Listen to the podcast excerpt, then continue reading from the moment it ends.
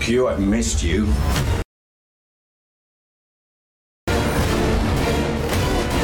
Nije vreme za umiranje, samo u bioskopima.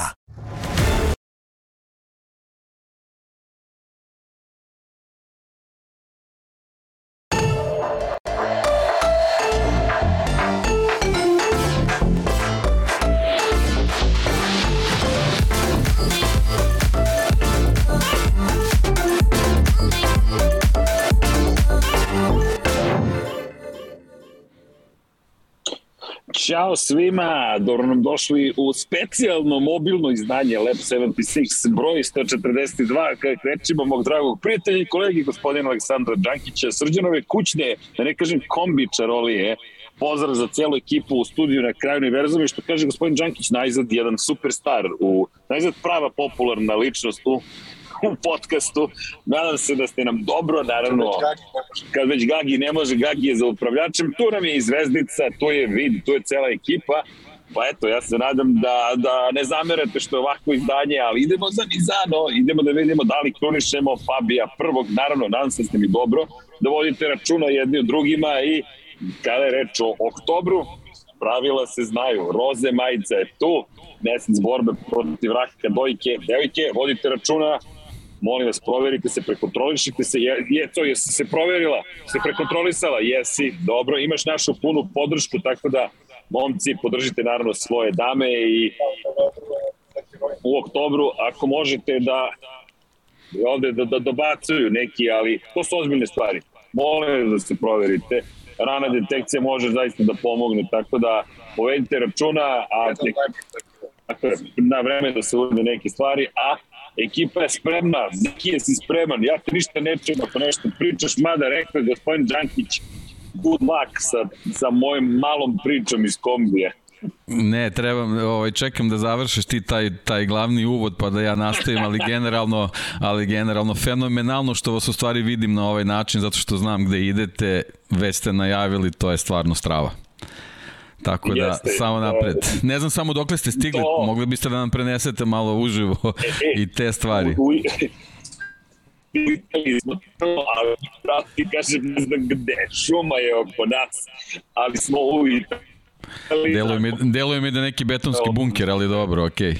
Okej. Okay. ja ti pokažem napolju šta je, ali ne znam šta je. Mi smo još stigli do mora, to, je to naravno nećemo ni stići dok ne stignemo do Jadrana tamo, a to ćemo spaže da se cijelo No, u svakom slučaju, pa da vidim da se i free spraypovo, pa to u šumi smo, malo 4G ima, pa malo 4G nema i tako dalje. Ali, jeste udarili like, molim vas, jedan like, jedan subscribe, ne znam kako ovo izgleda kada se spakuje kroz Zoom, ali nema veze. Važno je da, važno je da se lepo zabavljamo. Trenutno ne izgleda fenomenalno, ali važno da vas čujemo, tako da zanemari sliku, važan je ton, sam, samo napred. Ej, pa vidi, uzbuđeni smo posle dve godine, da, idemo da vidimo da li će Fabio Quartararo postati prvi francuski vozač koji će svojiti titul u kraljevskoj kategoriji, ali iskreno, znaš, uzbuđenje je mnogo veliko na, na, na ličnom profesionalnom nivou. Dve godine su prošle kada smo poslednji put bili na nekoj trci, silne planove imala cijela ekipa sport kluba, trebalo je na šest trka prošle godine, šest trka ove godine, šest na naredne godine, mnogo toga isplanirano bilo, a došli smo do toga da zapravo sedimo i čekamo kada će doći taj dan da odemo na stazu. I ima mnogo razloga zašto idemo na, na konkretno ovu trku, da krenemo od prvog razloga, da, nije na motiv bio zapravo Fabio Quartararo, ali budemo realni, možda, možda ćemo prisustovati istoriji, Francesco Banjaja imaće svoju šansu, mora da pobedi Fabio Quartararo i da dokladi dva ili više poena da bi postojala šansa ikada da bude prvak sveta, ali realno Quartararo baš ima meč, meč loptu. S druge strane, Valentino Rossi vozi svoju poslednju trku u Italiji, tome mora da se prisustuje. Čovek koji je obeležio Moto Grand Prix, koji je pretvorio Moto Grand Prix u globalni fenomen, poslednji pred, pred svojim publikom i to nadomak svoje kuće i treći razlog, to je sve povezano 10 godina od pogibije tragični Marka Simoncellija, Matt Oaks je inače sjajan intervju, mislim da je Jelena baš podelila na Twitteru, obavio sa Paolom Simoncellim, ocem Marka Simoncelli i Valentinom Rosijem, 10 godina od pogibije, naravno da se na jedan malo drugačiji način svećemo Marka, idemo na stazu koja se zove Marko Simoncelli, u ulici da je Giro Kato, na mestu na kojem je nažalost poginu Šojeto Mizdava i prosto ne možeš da odeš u Mizdano da se ne osjećaš uzbuđeno, pri čemu, evo dodaje mi, čekajte da vam pokažem šta je Zvezdica pripremila, smem? Smem, okej. Okay.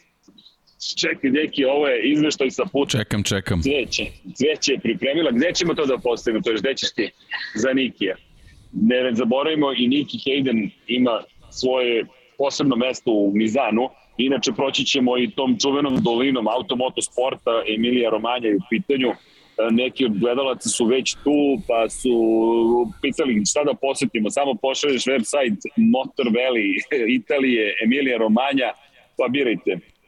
Hoćete malo severnije da, do Ferrarija, do Modene, hoćete do Lamba, hoćete možda do Ducatija u Bolonju, hoćete kod Venecije u Noale, da do Aprilije, da, samo, samo, samo možete da, da, da birate u čemu ćete uživati u celom prolazku kroz ovaj deo sveta i zaista je mnogo uzbudljivo. Tako da eto, posle dve godine najzad ponovo na stazi vidjet ćemo i neke stare drugare, što novinare, što predstavnike Dorne. Ej, E, pričat ćemo, deki, ali eto, kao uvod da, da, da, da prenesemo ovaj utisak. Mnogo su nam pomogli. Mnogo su nam pomogli papirologija je beskonačno u ovom momentu da se kao profesionalna ekipa pojavimo. Ja ne znam koji papir nemamo od sertifikata, da smo profesionalci koji dolaze u Italiju da bi radili određeni posao do PCR testova, potvrda o vakcinacijama, e, potvrda o tome da smo zaista predstavnici sport kluba, akreditacija, novi informacijni sistem. Kako ste generalno prošli? Kakva su iskustva bila? sa granicama i ostalim e, punktovima? E, mogu da ti kažem samo sledeće. Moto Grand Prix i u ovom slučaju konkretno Pride Valentino Rossi otvaraju sva vrata. Komentari su bili na nivou MotoGP ok, a i MotoGP, mani i valjde. Zeleni sertifikat. Zeleni sertifikat, žuti sertifikat. to, to, to, žuto, plavo, zeleno, žuto, roze, ne znam roze. koja sve boje naranđasti. Da, da, da. Trebali ste kacigu, ja ponesete, staviš kacigu na glavu i nema problema. ne, bukvalno, veruj mi, ne, ne, videli su majci se Lab 76 to, to, na granici, pa su rekli, a, pa nema problema. Ne, znaš zašto? Videli su ovog čoveka i rekli su, a, pa ide Junkie Baby za vama samim tim. Bardando, Bardando. Bardando. Bardando. Evo, pozdravlja ekipu. Inače, e, ne, ne možemo da uključimo Junkie tako jednostavno, pošto na slušalicama ostatak ekipe mora da me sluša, da me čuje silom prilika, ali ne I da stvara sliku u glavi. tako je. Inače, tu je vid Voršić sa nama, tako da evo vide da se javiš i celoj ekipi, ali teško da se Ćao. vidiš. Čekaj, čekaj. Naziremo, naziremo. A, bravo, a, čao. Tako da znate. Ćao. Ko, ej, mogli bismo da podelimo tvoj Instagram. Šta kažeš? Može, zapratite video Voršića, imaćete šta da zapratite i nadam se da ćete uživati, to je još jedan od drugara zapravo, pre svega Jeca i Vid su drugari, ali čovek koji je vrlo ozbiljan profesionalac, tako da eto, ja ne mogu sad tako jednostavno da podelim link, ali ako možete u chat bacite Vanja, Deki, ne znam da li je Dom Pablo tu, Vid Voršić, tako da, eto, još, još jedan član ekipa. Čekaj, vidi, da te pitam, jesi bio nekada MotoGP? O, prvi put, gde si sada bio? super čovek je iz Formule 1 došao, oteli smo četvorotočkaša i sad ćemo da ga zarazimo. Između Ostina i Mizana izabrao je Mizan. Ej, deki, da, da. poneo sam dva mikrofona, ja mislim da ću sutra da napravim neki okrugli sto. Znači, malo Jeca, malo Džanki, malo Vid, malo Gagi, malo ostatak ekipe, neki gledalce navatamo i ispričamo se. Dorna. Jao, ajmo kod Kotura. Ajmo, ajmo u Leopard, to ti kažem, sednemo u Leopard i snimamo se. Tako da ljudi ne zamerite. Dakle, deluje mi da plan za sutra ne postoji, znači krećete plan... iz stihija. plan je sledeći, hotel je na 4,3 km od staze. Tako pa to da, je ništa, pa da, to je ništa. Neki, to je, to je lagana Ne može bliže. Da, ne, ne, bukvalno ne može bliže. E da, to je za one koji idu u Mizanu nekada u budućnosti, ako nisu već pošli putem Mizana, Mizano je turistički gradić zapravo na obali Jadranskog mora na italijanskoj očiglednoj strani i skrenete levo kod ne Albuquerque, kod Bolonje skrenete levo, umesto da nastavite južno za Rim, skrenete levo ka Mizanu i San Marinu i u suštini ima mali aerodrom, aerodrom je iste dužine kao i Riviera i onda odmah tu pored je staza. Sve je spakovano, E sad šta je prednost? Ako ideš peške sve je okej, okay. ako ideš kolima, srećno. Zašto? Mislim na stazu naravno. Tako da, ali mnogo je lepo doći u Mizano. Sad dolazimo krajem oktobra. Prognoza vremenski kaže da će biti sunčano tokom pete subote i nedelje. Sutra se očekuje kiša, ali Jeca, koliko ste intervjua si zakazala? Samo, a koliko imaš intervjua, priznaj, od 1 do 12, koliko? Dvojicu svetskih šampiona i mnogo razgovora. Ja mislim da ispod 8 intervjua neće biti, ovako drugarski, to je neka moja procena. A mi, da, naletet ćemo na, ne, vidi, ne znamo ni mi šta nas čeka, pri čemu, kažem ti, prvi put u periodu COVID idemo na stazu, pa znaš, te To sam baš teo da te pitam, da, ili, ima neki, ili imaš neke predznake kako bi u stvari mogo sve da izgleda? Imaš pravilnik i sad pokušavamo da se uklopimo u taj pravilnik, da razumemo šta znači pravilnik, da li su to striktna pravila ili su to uputstva kako se ponašati. I ne znamo, e, pritom u Mizanu je medijski centar veoma mali, tako da smo dobili dva mesta, pazi, nema više upišeš, nego sad ti daju dva mesta i vidi jeca su u medija centru, a mi ćemo da ih na rotaciju da izlazimo, ulazimo, pošto njima baš treba od nas trojiti. Ne, izvini, Gagi i Jeca su u medija centru, vidi, ti si s nama u kabini.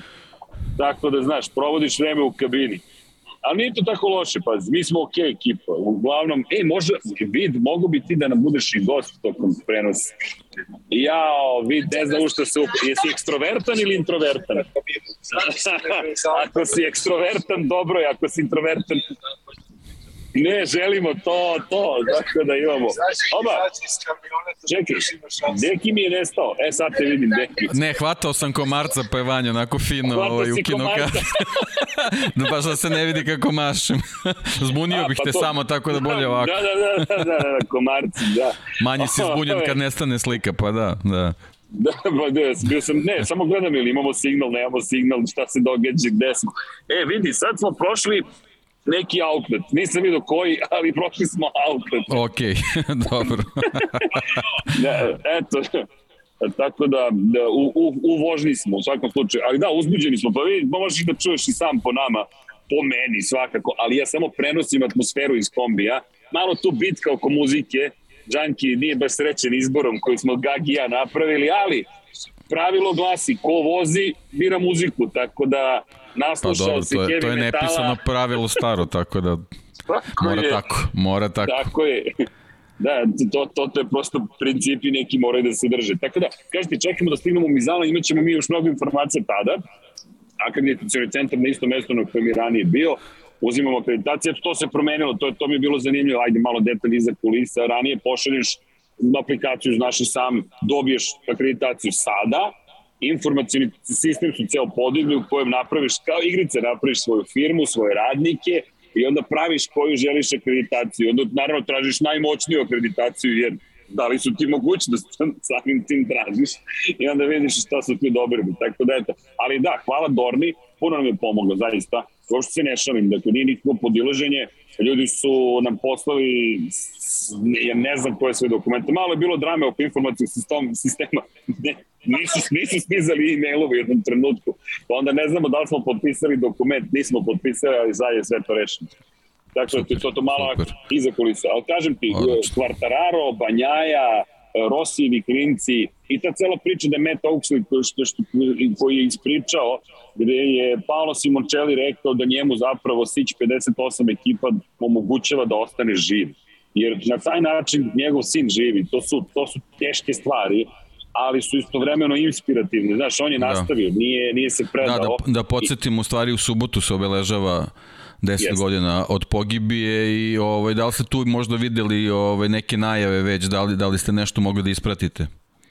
Šta pa, će se da se dešava, jel očekujemo stvarno ogromnu ono erupciju emocija tako da yes. ovaj baš me zanima da da li tu već postoje neke najave da li ste mogli nešto dok ste dok ste putovali da da vidite i da pa, da osetite? Znamo da su neke večere otkazane koje su bile planirane. Ne znamo kakva je epidemiološka situacija. Znam da dobio sam informaciju od prijatelja koji je dobio neku VIP pozivnicu i tako dalje i nešto se tu promenilo. U svakom slučaju, e, kada stignemo tamo vidjet ćemo kakav je plan zapravo za obeležavanje desetogodišnjice i, i šta će se događati. Dorna sigurno nešto planira. Uh, sada je hrast u krivini sada je hrast u krivini 8, ali iz perspektive gdje je hrast postojao ranije, tamo će Jelena mi suflira, uh, dakle u krivini 8 se sadi hrast, i tamo gde je bio hrast. Ali u kontekstu toga šta će se još dešavati, ja mislim da u Tavulji će sigurno to biti obeleženo na neki način, nezvanično, vrlo verovatno. E, tako da Jelena, Kombi, Džanki, idemo... Spomenik Gde je muzej? Da. Kod muzeja Marka Simončelija će vatra će kao 58 sekundi. 58 sekundi će biti vatra uh, puštena, tako da to večni plamen verovatno koji će biti jednostavno aktiviran 58 sekundi. Biće dosta toga, ali kažem još ne znam šta, se, šta će se događati. Inače poster Mizano staze za ovu trku u potpunosti posvećen Valentinu Rosiju i čekamo da vidimo šta će on pripremiti za, za subotu pre podne za trening broj 3. Evo, Jelena se već smeje. Uh, veruj mi, e, a evo imamo i mi poster, da, da, da. To, čekaj, šta je ovo? Ko je ovo? Pa ne znam ko ima ovakav, ovakav potez i ovakav gest kad izlazi sa pit lane-a. Da, da. Jesi zadovoljan? Da, super, super, stvarno. Pa Mnogo kao, lepo, kao i svaki put ovaj, u metu to, to. pogodi, tako da Bogdan da, je super. Ne, ona, ona Turska je bila ja. skroz, ona je bila baš dobro. I ovo mi se mnogo dopada jer se odmah zna o kome se radi. I kažem ti, čekamo za one koji ne znaju eventualno Valentino Rossi kada god vozi trke na tlu Italije, trening broj 3 je posvećen predstavljanju nove kaci. Tako će biti i ovoga puta. Poslednji put u Italiji cenim da će, moja procena će staviti mnogo slika, ali me ne bi iznenadilo da bude u potpunosti posvećeno Marku. Tako da, ko zna šta, šta nas čeka. Da, i sad pitanje, Evo, odakle, odakle, odakle da krenemo? odakle, odakle, odakle da krenemo, da. Krenemo, ja, da. I samo, znaš odakle da krenemo? Moramo svi zajedno u Valenciju. E, odatle ćemo da krenemo. Uh, reći ću ti, teksta kad, kad smo se ovako, ja iskreno deki nemam predstav trenutno šta se sve događa u Moto Grand Prix. Mi smo toliko papira morali da popunimo, završimo i uradimo. Ja se zaista osjećam kao FT1 i nevim se. Bukvalno do, do, do pre par sati smo čekali najsvežije dokumente koje u Italiji nam omogućavaju da se krećemo relativno slobodno s obzirom na činjenicu na benzinskoj pumpi, što kaže Džanki, ali je stvar u tome da smo bukvalno bili svi u papirima. Brojevi pasoša, lične karte, gde živimo, koji su e-mailovi, telefoni, veri potpiši elektronski jedno odricanje od odgovornosti, potpiši elektronski drugo odricanje od odgovornosti. E, vidi, stigao waiver, tamo da proverim.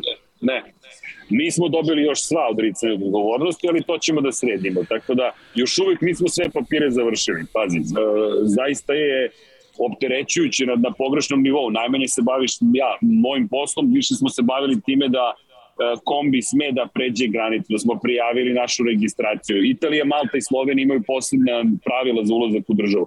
Dakle, tek sada kreće vikend i zašto ti kažem moramo svi zajedno, emocije se sad osjećaju. Znaš, ja sad sam baš uzbuđen i bojim se da ću im pričati do 3 ujutro, tako da, e, ne drljam ste drugari, ali stvari u tome...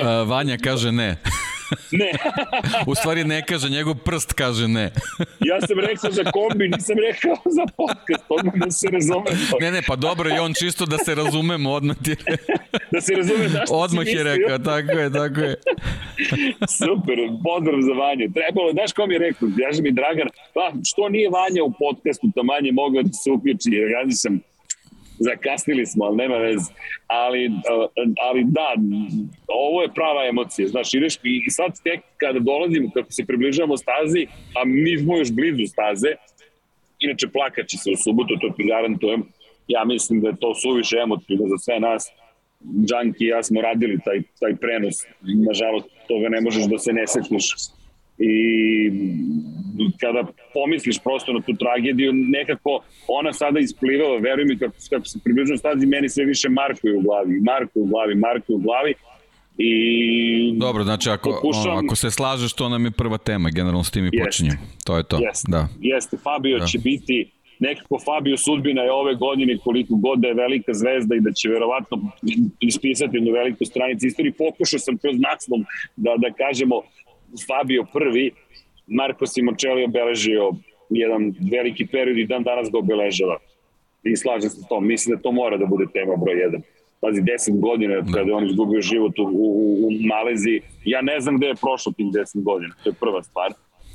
Druga stvar, mi imamo Sić 58 ekipu, mi dalje imamo postere Marka Simoncellija u šampionatu, Akademija Ver 46 Valentina Rosija prema njegovom priznanju nastala kao uspomena na Marka Simoncellija.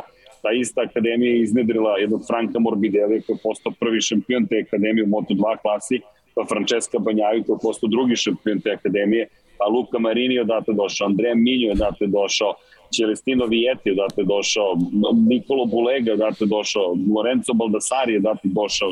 To su stvari koje koje menjaju bukvalno svet Moto Grand Prix. To su sve italijanski momci koji danas zajedno sa Špancima vode najveće bitke. Španija ima celu jednu školu, Valentino Rossi je škola za sebe iz te perspektive, sad kada pomisliš da je krenulo od Marka i onda se vratiš da ono svoju titulu 250 kubika po malo iznenađujuće. Alvaro Bautista je bio veliki favorit 2008. da osvoji titulu i sa onom svojom kovrđavom kosom i, i, i načinima na koje nastupa je bio agresivan, koliko je sve ljude osvojio i način na koji je ušao u Moto Grand Prix, pa je bio kontroverzan i agresivan. Došli smo do toga da zapravo smo već tada pričali o tome da je on potencijalni naslednik Valentina Rossi, ako ne po rezultatima, svakako po slavi. I sad smo došli do toga da 10 godina od njegove pogibi i dalje kao da je, kao da je i dalje tu. Tako da prosto Marko Simoncelli na njegovoj stazi na desetogodišnjicu, a baš će kvalifikacije biti tog dana i trening broj 3, mislim da će se dosta pričati o tome. Evo, ja da, da, upravo, upravo to što si, što si rekao, jednostavno Marko je, Marko je obeležio taj, taj, taj jedan period, iako je se jako kratko zadržao generalno u Moto Grand Prix-u, ali, ali e, taj njegov nastup, e, e, način na koji je pristupao trkama, kako je vozio same velike nagrade, neki, neki stil koji je, koji je pokazao još kroz niže kategorije, jednostavno način na, na, na koji svaki vozač treba, treba da pristupi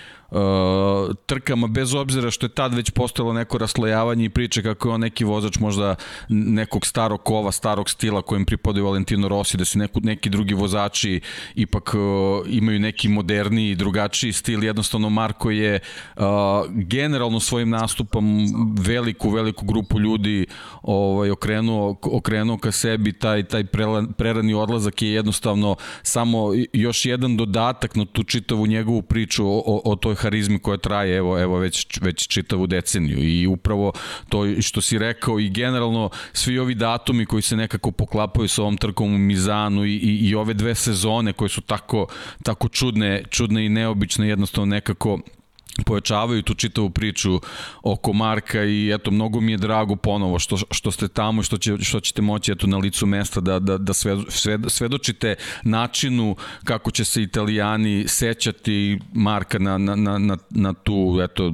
da kažemo veliku godišnjicu ali ali prilično tužnu deceniju bez njega. Pa da, lepo si rekao, baš to, to, to je sad nekako emocije vidjeti šta će se sve ovde dešavati i zato ti kažem da ti znaš kako je doći na stazu. To ono što ti kažeš, odeš na odmor i ako ima neka trka, nema veze, lokalnog pa automoto kluba. Apsolutno. mo, moraš da odeš.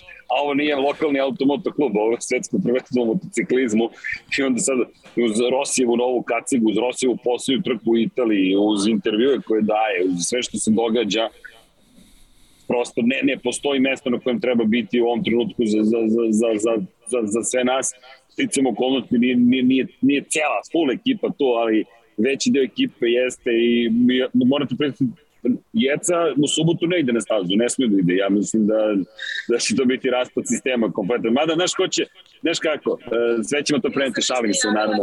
Ne, najavili smo, prosto to treba su nekako obuzdati emocije, ali kažem ti, lepo si to rekao, kako će obeležiti, ja ne znam. Zato ti kažem, jedno je zvanično, jedno je ono što je Dorna pripremila, ono što mene zanima jeste i zašto je lepo takođe biti na licu mesta, šta će ljudi sa, iz ovog regiona ljubitelji automotosporta, odavde dolazi veliki broj vozača. jer jednostavno to su klinci, ne samo klinci, ne, nemojmo zaboraviti da je, eto, to ne samo da zaboravimo, da je jedan Andreja Doviciozo takođe iz Forlija, da su oni svi komšije, manje više u krugu od 35 km su mesta rođenja gotovo svih vozača koji se trenutno trkuju u svetskom prvenstvu. Znaš, to je magija Riminija i Mizana. Ričone, to, što, što bi rekao Marko. Tamo Absolutno. su najbolji to su, žurke. To su geni, da. Geni koji, koji, koji vuku jednostavno ovaj, iz tog kraja. Da, kulturološki takođe aspekt, kulturološki geni, ukoliko tako mogu da kažem, i to je, to je mnogo lepo videti i lepo je videti prosto podršku koju je Valentino Rossi dao toj ideji o, italijanskog motociklizma kroz akademiju, da, usmjerena dosta na jednom nacionalnom nivou, ali prosto italijanska škola je potpuno posrnula posle jedne te ere italijanskih prvaka, pa pre svega njegovih uspeha u kraljevskoj klasi, Lorisa Capirosija, Marka Melandrija, Maksimi Similijana, Magisa Bjađija, došao je period kada se postavilo pitanja ko će uopšte za Italiju voziti, a kamoli usvajati titule i to je Rossi stvorio praktično kroz podršku. Tako da je ovo u suštini i njegovo zaveštanje. Ovo je kao zadužbina Valentina Rosija. Znaš, šta ja ostavljam iza sebe? Pa da, ostavljam rezultate, ostavljam slike, ostavljam uspomene, ali ostavljam i sve moje klince, zapravo i ne idem nigde u suštini, menjam ulogu. Tako da i to meni veličanstveno videti, ali kad čekaj, kada pričamo o podršci, šta nisam uradio, nisam pročitao Patreone naše i nisam, pot, nisam i nisam uspio, čekaj Vanja, ti misliš da ja vidim, ovo čekaj, sad ću malo, dajte mi sekund. Hoćeš dakle, ja da čitam Patreon, ili, ili ćeš ti? Kako god ti kažeš, deki, okrenuo sam u landscape mod. Dobro, ako, ako možeš, reci, ako Čekaj, ne, ja da ću, probamo. nije problem. Pokrovitelji, Ajde. pazi, udaljio sam na jednom metar, pa trebalo... U stvari, ovo si, ovo si već trebao da naučiš kao pesmicu, u principu, ne, ne bi trebao da čitaš. U, da pokušamo, pokrovitelji na patron.com kroz Infinity Life. Sava, Toni Ruščić, Mario Vidović, Ivan Toškov, Stefan Dulić, Marko Bogavac, Ozren Prpić, Marko Mostarac, Nikola Grujičić, plus 21 tajni pokrovitelj, Aleksa Vučević, Zoltan Mezejić, Zoran Šalamun, Miloš Banduka, Lasmo Boroš, Đorđe Radojević, Ivan Simonović, Mijano Krgović, Nenad Ivić, Nikola Božinović, Monika Erceg, Omer Kovačević, Filip Novački, Miroslav Vučinić, Predrag Simić, Žorž, Stefan Vidić, Mlađan Antić, Jelena Mak, Mladen Krstić, Marko Ćurčić, Milan Nešković, ovde me zasmejavaju, Ivan Maksimović, Bojan Mijatović, Petar Delić, Stefan Prijević, Nenad Simić, Prelaz, Fade, Luka Savović, Andrej Božo, Boris Gozden, Boris Golubar, Zorana Vidić, Luka Manitašević, preskočili smo rupu, ne mogu da fokusiram tako brzo, Ljubo Đurović, Boško Božurović, Đorđe Andrić, Aleksandar Gošić, Dušan Ritić, Nemanja Milo Radović, Miloš Vojtić, Daniel Koloborić, Vukašin Vučević, mogu da freestylujem, Džanki, šta kažeš?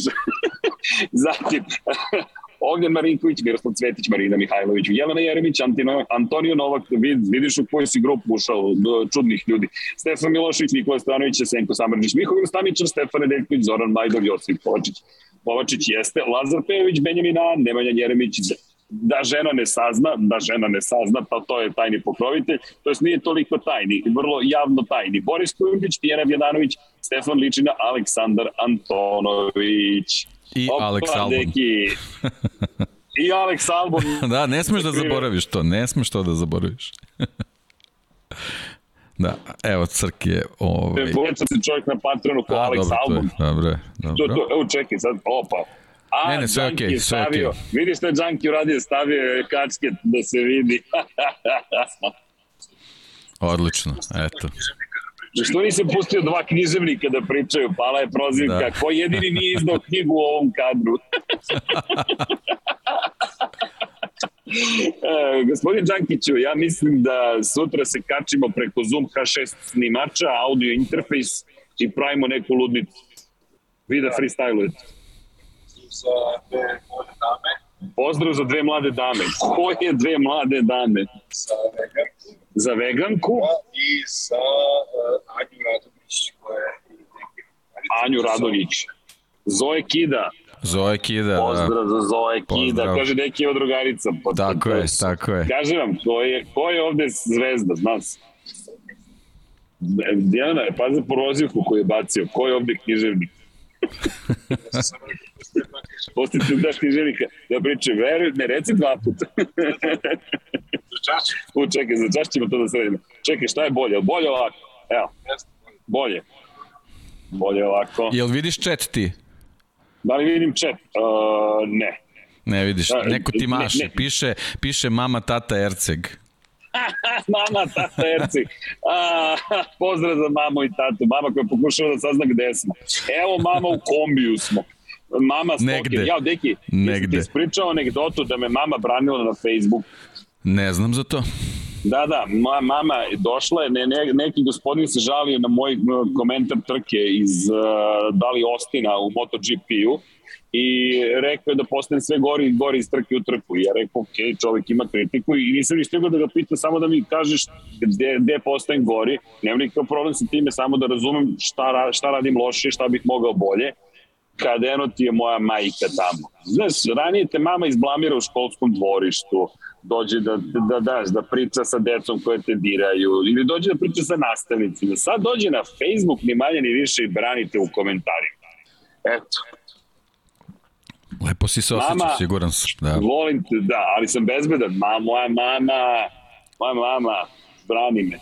Mama koja ima 90 godina i dalje vodi računa o meni. Dobro, 80 i 87, da. Super. A, rec, na Facebooku. A? Ne, sve ajde. Pozdrav za mamu, Sila. pozdrav za tatu, pozdrav za Zoe, pozdrav za veganku. Super. Pozdrav za pokrovitelje. Hvala Tako svima je. još jednom. Ovaj ništa, idemo posle ovog intermenca, vraćamo se na na Vraćamo- na glavnu me na temu, da. Da, na stazu, na na- stazu, da. na stazu. Ovo da, ovo je bio dugi krug, ovo je dugi krug Dugi bio. krug. Dugi krug.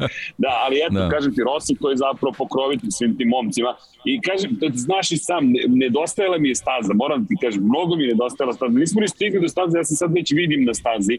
Znaš, asfalt, kombi, neki novi ljudi, neki novi Pa drugačije, drugačija inspiracija, dru, Da. drugačije su informacije koje dobijaš, sve je sve je drugačije.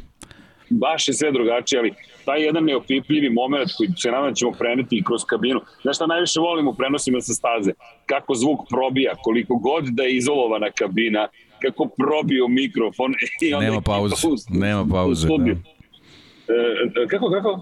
Nema pauze, Nem, nemaš da. trenutak tišine i mira, nego jednostavno svestan si da, da se non stop nešto dešava. non stop. I onda još mikrofon kad to popuni, a kad su ti komentatorske kabine, odavde nismo komentarisali, ne znam gde su kabine, u, u Muđelu su na primjer iznad garaže. I znam kada smo prva dva puta radili prenose, sa lice mesta bili smo iznad Dukatijeve garaže, ljudi trese ti se pod ti se trese kada upale Dezmosilići, jednostavno se trese i u šoku si, ali onda budeš srećan, tačno znaš kad su pokrenuli MotoGP motocikl. I tako. U svakom slučaju Rossi, da, pazi, oproštena trka, nije trebalo ovo da bude Mizano 1 takozvani je trebalo iz drugog pokušaja vidjet ćemo što se tiče rezultata, pa jedino kiša da padne i da neko čudo se desi, da inspirisan tom pričom o Marku Simočelju nešto učini, ali realno ovo je, ovo je prosto jedan krug završni u Italiji za Rosija i verujem da će to takođe biti dosta emotivno na, na tribinama. To, to je sve rečeno. U suštini, njegov dom, potrudit ćemo se zaista da prenesemo što više možemo atmosfere koja nije samo na stazi, već i okolo. Kažem, poster je Valentinu Rosiju i jeste veliki trenutak istorijski. Da, i to što si rekao, ja sam pokušao, nisam našao neku drugu informaciju, tako da verujem da, da ona stoji od, od pre nekoliko podcasta, da je nekih desete hiljada više mesta dozvoljeno E, za, ima, za ima je li tako? E, e, našao E. sam, pošto smo sa Dornom smo nešto komunicirali oko toga, e, 35.000 zapravo gledalaca će To je biti to, prisutno. da, 25.000 da, da, je da. bilo za prethodnu trku i to su pustili 10.000 kontingent od 10.000 karata prošlog ponedeljka. Tako da karata je još uvek bilo u prodaji, nisam siguran da li ih još uvek ima, postoji jedna negativna situacija, vrlo su visoke cene zapravo i jednostavno pitanje je koliko su pristupačne, ali verujem da će opet ta činjenica da je Rosija poslednja trka u Italiji privući opet dovoljno ljudi da će se popuniti. Nadam se da će biti 35.000, nadam se da će vreme da posluži, pogotovo što taj glavni deo kod 11. krivine je zapravo na otvorenom i ukoliko kiša pada mnogo su teže vreme, mnogo je teže prosto za uživanje. Tako da držim palče da bude, do, da bude dobro vreme. Nama je svejedno, mi smo u toploj i suvoj kabini, ali za publiku zaista se nadam da će biti lepo. Nismo svi. Nismo svi na pol toploj i suvoj kabini, dobacuje Jelena. Da, da i što Dobro, se neki- tiče, da, da, da. Što se tiče tih oproštaja vezanih za Italiju, nekako u senci, naravno, potpuno razumljivo očekino pro, prolazi i, i, i činjenica da će ovo biti poslednja italijanska trka za Danila Petrućija. Još, jedno, Jeste. još jednog italijanskog vozača i eto možda baš to što spominješ te neke vremenske uslove ako se slučajno desi nešto nepredviđeno ipak bude nešto nek, neka kišica možda se desi da, da ova trka bude e, ka, kao oproštena trka možda neka trka gde će imati malo bolji plasman tako da eto generalno pričali smo o tim sećanjima spomenuli ste četvoricu vozača koji ćemo definitivno ih se setiti ovaj, tokom ovog trkačkog vikenda ali vezano za oprošta eto imamo tu još jednu dodatnu priču uz Valentina Rosija i Danilo Petrući će poslednji put biti pre svojom publikom. Hoće. I Danilo Petrući zaslužuje da se i pozdravimo od njega. Cenim da je Jeca tu nešto takođe pripremila, ali u svakom slučaju, ako nije Danila Petruća, moramo da posetimo. Što kaže neki poslednji italijanska trka za, za Danila. Dve pobede u karijeri, jedna u Muđelu. Pa ta prva posebno, posebno se pamti i on, Yes. i on je posebno pamti, ona je za njega posebno iz ove perspektive verovatno ravno osvajanju svetskog šampionata. Mada ja mislim ti znaš ko, ko, kojeg italijana svi jurimo ovog vikenda. da. Da, ali, ne, Ali- znam, ne ali- znam da li ćemo sad, da li ćemo baš sad o njemu da pričamo u ovom trenutku. Nećemo, da, li, da li nećemo, ali doći ćemo da, na sve to. da nam ne zameri neko. Ali da, da. da. Ali mislim da u tim oproštajima i, i mislim da je simboličan naslov koji smo dali krunisanje Fabija prvog. Pazi, to je čovek koji, eto, nekako slava mu ove godine beži, u smislu da kad god nešto dobro učini, nešto se desi. Brad Binder pobedi u nekoj neverovatnoj trci. Valentino Rossi saopšti da se penzioniše. Uh, Andrea Dovizioso kaže vraćam se. Maverick Vinales pokuša da uništi motocikl. Maverick Vinales potpiše za Apriliju. Ej, prošlo je koliko? 30 minuta da sam spomenuo Maverick Vinales. A, A, bravo. Reci, aplauz, tako je Vanja, hoću aplauz. tako da, eto, daš, ali sve se to dešava Bilo je, bilo je godine. napeto, nismo hteli da te prekinemo, a baš smo se gledali kad će doći red na njega i evo ga. I, i evo, Stigo je. evo, 36-7 minuta, nije ovo, Da, da, jeste, boga mi, da, da. Jedna čitava skoro Grand Prix trka. Tako je, e, jel vidiš? To Da. da. napredak je ozbiljan i, i, i sad u svim tim pričama nekako Fabio koji nas je sve osvojio pre dve godine, pa i prošle godine na početku bio toliko značajan u šampionatu, spao je u zapećak, ali ako pogledaš simboliku Rosijeva oproštajna trka u Italiji, koliko ovde osvoji titulu, on je prvi šampion za Yamaha od Jorge Lorenza 2015. godine, to je isto godina u kojoj je mogao i Valentino Rossi da bude šampion za Yamaha, ali kada pogledamo ko je Yamaha vratio na te puteve slave, to jeste bio Valentino Rossi. On je čovek koji je doneo Yamahi prvu titulu posle 12 godina i naslednik Vejna Rejnija. Šta se desilo u Mizanu, tako je, evo dobacuje Jedca, prati to, tok misli. Vidiš kako pletemo priču? Književniče, si zadovoljan? Niko ništa ne pita. Evo ja te pitam, jesi zadovoljan? Jao, zakukao kad se ga niko ništa ne... Sutra dobijaš mikrofon. E, da te vidim da izbegneš obavezu. Sutra je kiša. Čika Džaki spava u hotelu. Ali, dovodim, dolazimo upravo do toga. Hvala Jece, to je jedna od, jedan od, light, ne možete reći jedna to je jedna od stvari koje, koje su takođe vrlo važne za Mizano. Wayne Rainey jeste bio poslednji šampion Yamahe u prethodnom milenijumu. Nažalost, njegova karijera je okončena upravo padom u Mizanu. U to vreme je staza bila vrlo nebezbedna za vozače motora. Bankine, pasice, kako god želite, te čuvene kobasice, kako sad nazivaju, to nisu kobasice, bukvalno su ivičnjaci to bili, su bili pravljeni pre svega za automobiliste, to nije krivica automobilista, niko nije toliko pažnje pod, pridavao ni automobilistima, ni, automo, ni motociklistima koliko danas. Nažalost, Wayne Rainey je pao i nije sam pad toliko bio problematično i taj prelazak preko ivičnjega kada je otklizao i doveo do teške povrede kičme i kičmenog stuba, toč kičmene moždine, ostao je nepokretan od struka naniže i više nije mogao da vozi. To je bila njegova sezona u kojoj je išao ka četvrtoj tituli veliki dueli sa Kevinom Švancom. Kevin Švanc, američki šampion, poslednjih Suzuki do Kenija Robertsa mlađeg, pa potom i Joana Mira, ali Rossi bio taj koji je Maku vratio na sam vrh. Usledila je ne samo ta jedna titula Kevina Švanca, već pet titula Mika Duona, zatim titula ponovo na Hondi na kojoj je bio i Duon Aleksa Krivijeja, pa titula na Suzukiju Kenija Robertsa mlađeg i onda počinje era Valentina Rosija, tri titule sa Hondom, to, to, to, to zaista ne smemo zaboraviti. Prve titule su osvojene sa Hondom i onda veliki taj puč koji je izvršila Yamaha i on je vratio Yamahu na vrh. Sada je šest godina od kada je u tom momentu to mnogo duži period, naravno 12 godina poslednje titule, ili opet šest godina je prošlo kada je Yamaha poslednji put imala šampiona i to može biti Fabio Quartararo, a rekli smo ni jedan Francuz nikada nije osvojio titulu u kraljevskoj klasi. Ja ne znam da zamislim kako se Fabio osjeća, ali zaista mislim da bismo mogli da dobijemo Fabija prvog i mislim da neće biti to jedina titula Fabija Quartarara.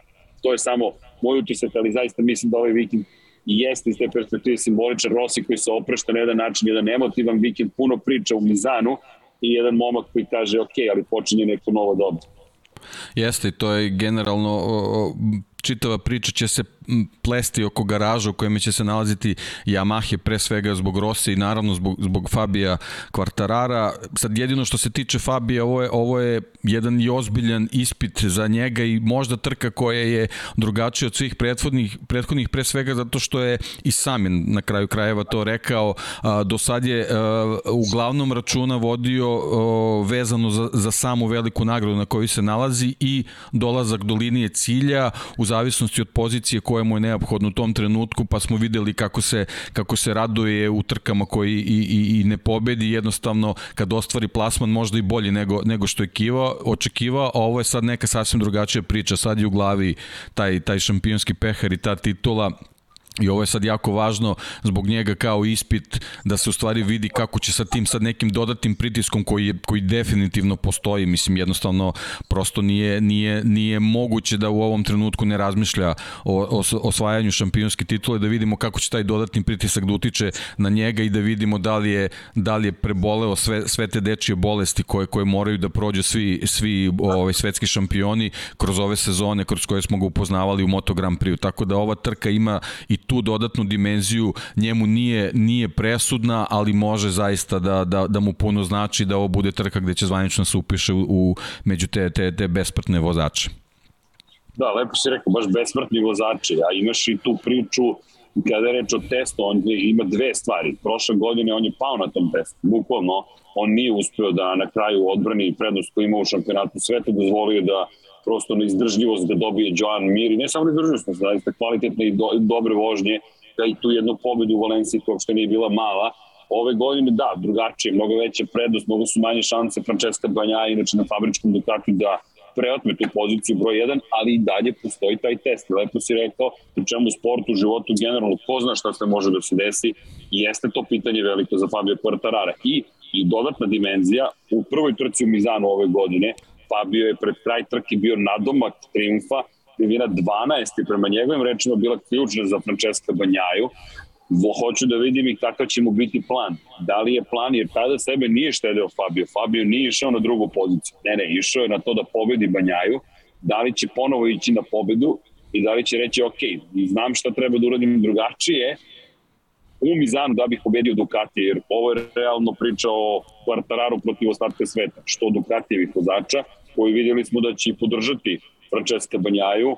Nadam se da nećemo imati situaciju u kojima bilo ko pušta bilo koga, to zaista ne bih volao da vidimo i verujem da nećemo, ali Quartarara čeka baš jedan ozbiljan test. I, i raduje me što, će, što nije samo jedna od onih trka koje dođeš, prođeš i to je titula. Ne, ne, ne, ne, ne. Ovo će baš biti dobra trka i pravi test za Fabio Quartarara. Jedno da. čekam da vidim kako će voziti. Pravi test i, i, i upravo vezano za sve ove priče koje smo pričali do, do ovog trenutka, možda njemu ide na ruku i sama situacija gde, neće biti u potpunosti u centru pažnje upravo zbog svih tih sporednih dešavanja koje će imati na ovom, na ovom trkačkom vikendu. Ne znam da, da li se slažeš možda sa, sa tim nekim viđem, jednostavno da, da će moći da, da, da se mirnije pripremi za čitav trkački vikend koji mu je izuzetno važan praktično za, za, za čitavu karijeru. Mislim da si 100% u pravu. Iskreno, slažem se. Meni je pomalo čudno kada izgovoriš sporedne stvari skreću pažnju sa Fabio Quartarara. Pazi, on treba da postane svetski šampion Moto Grand Prix klasa. Treba da posvoji prvu titulu uopšte svetskog prvaka u svojoj karijeri. Nije od svoje titulu ni u Moto 3 klasi, ni u Moto 2 klasi. Prvi francuski šampion u kraljevskoj kategoriji. Sve to treba da se desi ovoga vikenda, a nešto što je de facto sporedno i zapravo više u centru pažnje. Govori tako mnogo o, o momentu u kojem se nalazimo u Moto Grand Prix i zašto ova trka u Mizanu toliko važna, mislim da to zapravo najveći pokazatelj toga šta nas čeka ovoga vikenda, znaš, i, i, i da, mislim da ćemo pomoći, ali isto tako mislim da ćemo u nedelju u 15 časova zapravo započeti tu jednu novu eru. Upravo to, bravo, upravo to, da će petak, subotu i nedelje jednostavno svesno spotlight popustiti nečemu drugom, a od nedelje kad, kad se završi trka da će on biti taj o kome će se pričati. Ja mislim da, da je to u stvari možda jedna dobra stvar u ovoj čitavoj priči kad spominjemo tu negativnu okolnost da se jako malo govori o Fabio Quartararo. Mislim da njemu to u stvari i najviše odgovara da bi mogao maksimalno da se pripremi za ono šta ga očekuje. Ili me ne čuje ili, ili smo ih izgubili, šta ti misliš? Zaledio se Srki. Ništa, nastavit ćemo onda, onda ovaj, i, i, i mi priču jednostavno, ovaj, eto, krenuli smo s Yamahama, pa ćemo, pa ćemo tako i da, i da nastavimo. Nadam se da, će, da ćemo dobiti ovaj, Srke ponovo ovaj, na, na, na, na vezi uskoro. Ovaj, što se tiče same Yamahe, eto, već smo, već smo spomenuli uh, dvojicu vozača, znači što se tiče Petronasa, naravno, sve, sve oči će biti upr, uprte u Valentina Rosija zbog tog ovaj, poslednjeg nastupa na, na italijanskom tlu, on je krenuo praktično u to odbrojavanje, kao što smo krenuli odbrojavanje za, za završetak se, sezone i, i, i ovaj, dobijanje novog svetskog šampiona, njemu praktično su još tri, tri trke preostale do, do, do kraja karijere, naravno Fabio Quartararo je tu koji je koji je sad neki aktuelni superstar, jednostavno momak kojemu su, kojemu su sve, sve oči uprte jednostavno zato što ovaj, dolazi do, do, do tog neverovatnog ostvarenja pre svega vezano za, za francuski automotosport. I Da, samo u trenutku se, si se izgubio, ali evo ja sam samo uh, nekako krenuo sa do, dodatnim šlagvortom vezano za ostale vozače Yamahe, pa sam samo spomenuo i podsjetio praktično Rosija Kvartarara i sad, sad prelazimo na, na ostalu dvojicu, znači što se tiče fabričke ekipe Yamahe uz Kvartarara tu će biti i Franco Morbidelli koji je se vratio iz povrede, praktično seo, seo na novi motocikl i nekako dosanjao svoj san da se nađe u, u, u fabričkoj ekipi i sve ono što smo mi pričali i želeli uh, Franku praktično od, od prve trke na koje je pokazao svoj kvalitet na sa satelitskom motociklu dolazi ovaj u Mizano gde se gde se praktično vratio ovaj posle povrede na na na prvoj trci onda imao je jedan jako jako težak period vezano i za i za nastup u Americi gde se videlo da da da to koleno praktično još nije još nije u, u pravoj funkciji i sad ponovo dolazi u Mizano koje eto mesto mesto njegovih uspeha i i i mesto koje koje je zaista bez obzira samo što što je Italija nego jednostavno stvarno stvarno je, stvarno je urezano posebnim slovima u njegovoj karijeri, ponovo dolazi tu, nadamo se u, u, boljoj, u boljoj fizičkoj spremi i u boljoj, boljoj formi da, da konačno i on eto u svom nekom novom nastupu na, na, na fabričkoj Yamahi pokažu stvari svoju vrednost i zašto je i da li je sa pravom dobio to mesto koje i on i generalno publika u Moto Grand Prix očekivala da dobije. Tako da, eto, nadam se da, da, da će ova trka što se tiče, što se tiče Frankije, to iz drugog dela uh, garaže fabričke Yamahe biti biti uspešnija od dosadašnjih od kad se vratio od kad se vratio na grid. Um, lepo se rekao, ima tu, ima tu opet, da, opet priče, priče, priče, priče. Franco Morbidelli došao je u fabrički tim Yamaha, tek učio, poravlja se, ali ako pričamo o nekoj novoj eri koja nastupa možda u nedelju popodne, ko je čovek kome ta era ne odgovara, to je ko je čovek koji kaže ne, ne, ne, ne, ne, možda počinje era Yamahe, ali kralj Yamahe će biti neko drugi, Morbidelli zapravo, Morbidelli prvi, tako da mislim da se baš pogodio jednu priču koja koja je nekako sakrivena zahvaljujući tome što se Morbidelli povukao u drugoj polovini ove sezone, svesno, iz oka javnosti i rekao, ok, ne mogu na ovom motociklu starom, dok je bio još u Petronasu, ništa da učinim. Imam povredu kolena koja će me sprečavati u budućnosti. Hajde sada da rešim povredu kolena. Čemu?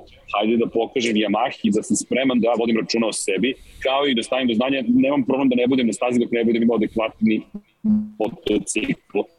Yamaha iskoristila priliku svinjala sam da kaže, ok, Franki, verujem u tebe. Evo je ruka, pomirenje takođe, pošto nisu ga tretirali na adekvatan način i onda Quartararo dolazi kao nova meta. Ako se vratimo u 2019. godinu, Fabio Quartararo je pobedio Franka Morbidelija, ne samo što ga je pobedio kao Novajlija i čoveka koji je trebalo da predvodi tim Petronasa, već je doveo do toga da Fabio, da Franco Morbidelli mora da drugačije pristupi trkanju i ako se setimo početka 2020. Morbidelli je ponavljao rečenice koje, koje slušamo i ove godine iz perspektive nekih drugih vozača za, ne, za neke svoje kolege. Znam šta radi, ali ne znam kako to radi. To, su, to smo često čuli.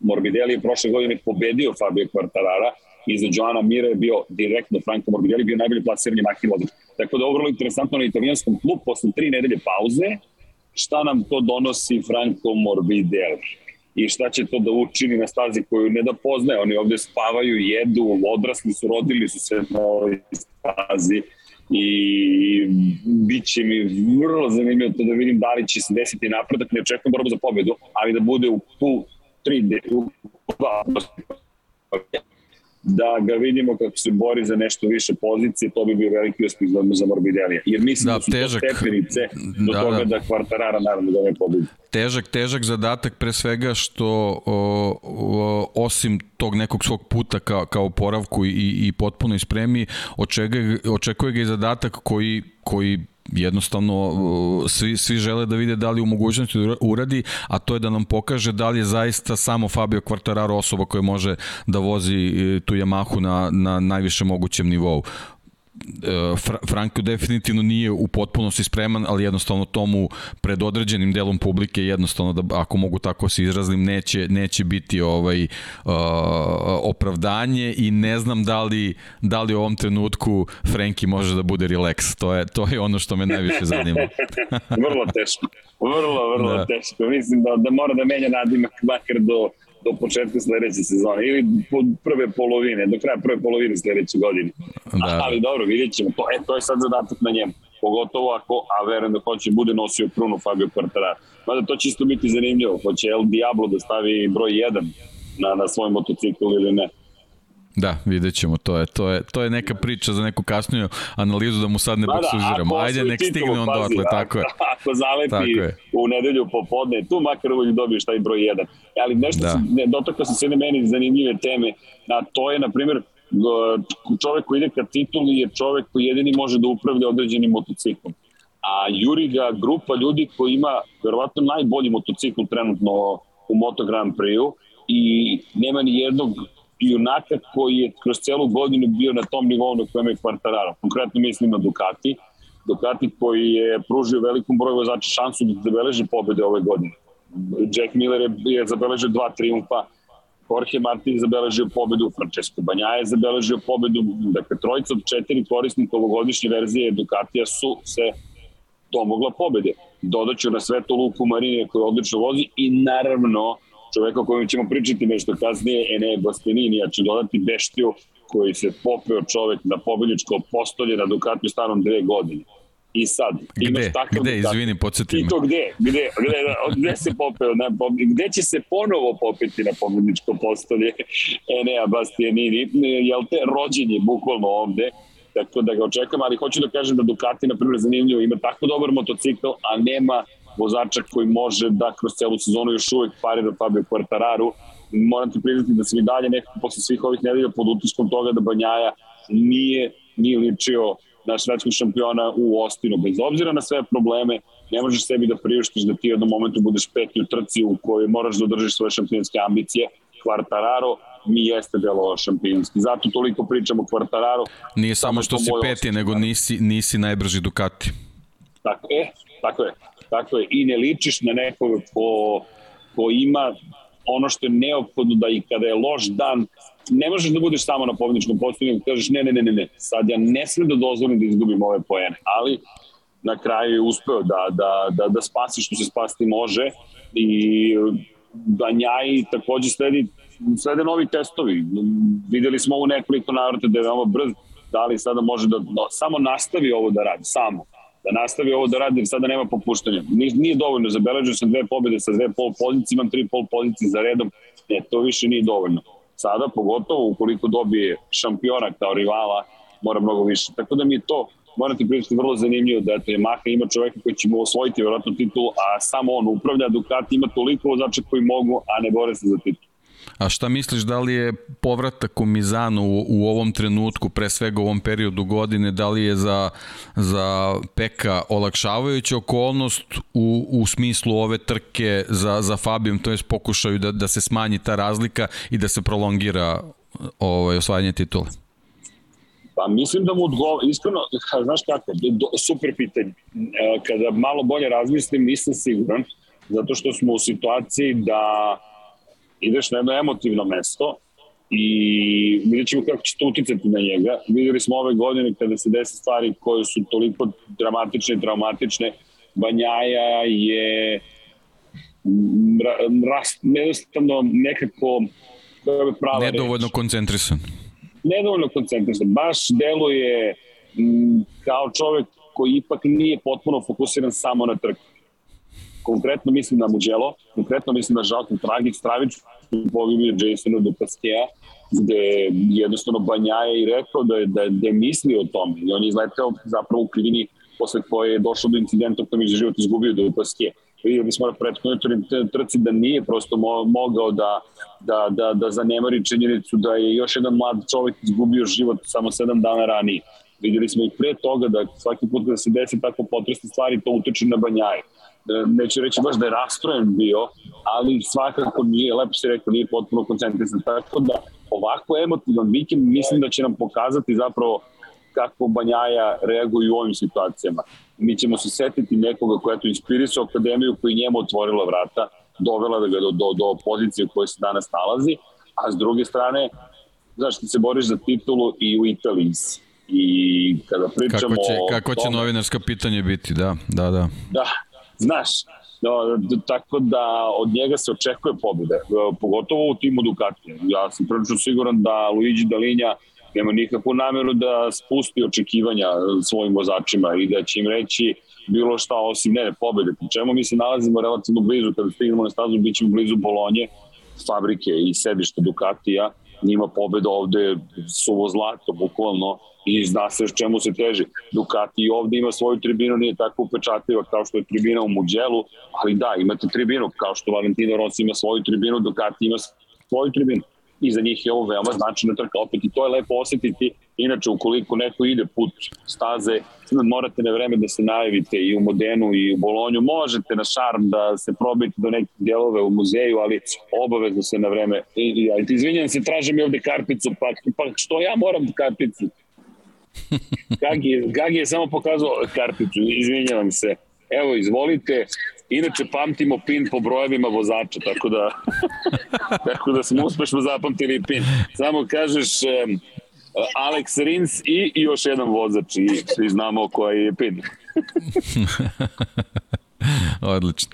Pa da, da, hoćemo da nastavimo, da, hoćemo da nastavimo priču o Ducatijevim vozačima i njihovim ovaj očekivanjima i nadanjima na ovoj stazi i i našim Mislim da očekivanjima da i nadanjima ka njima. Hoćemo tako. Mislim da treba, da. I onda onda na red dolazi Zna se ko.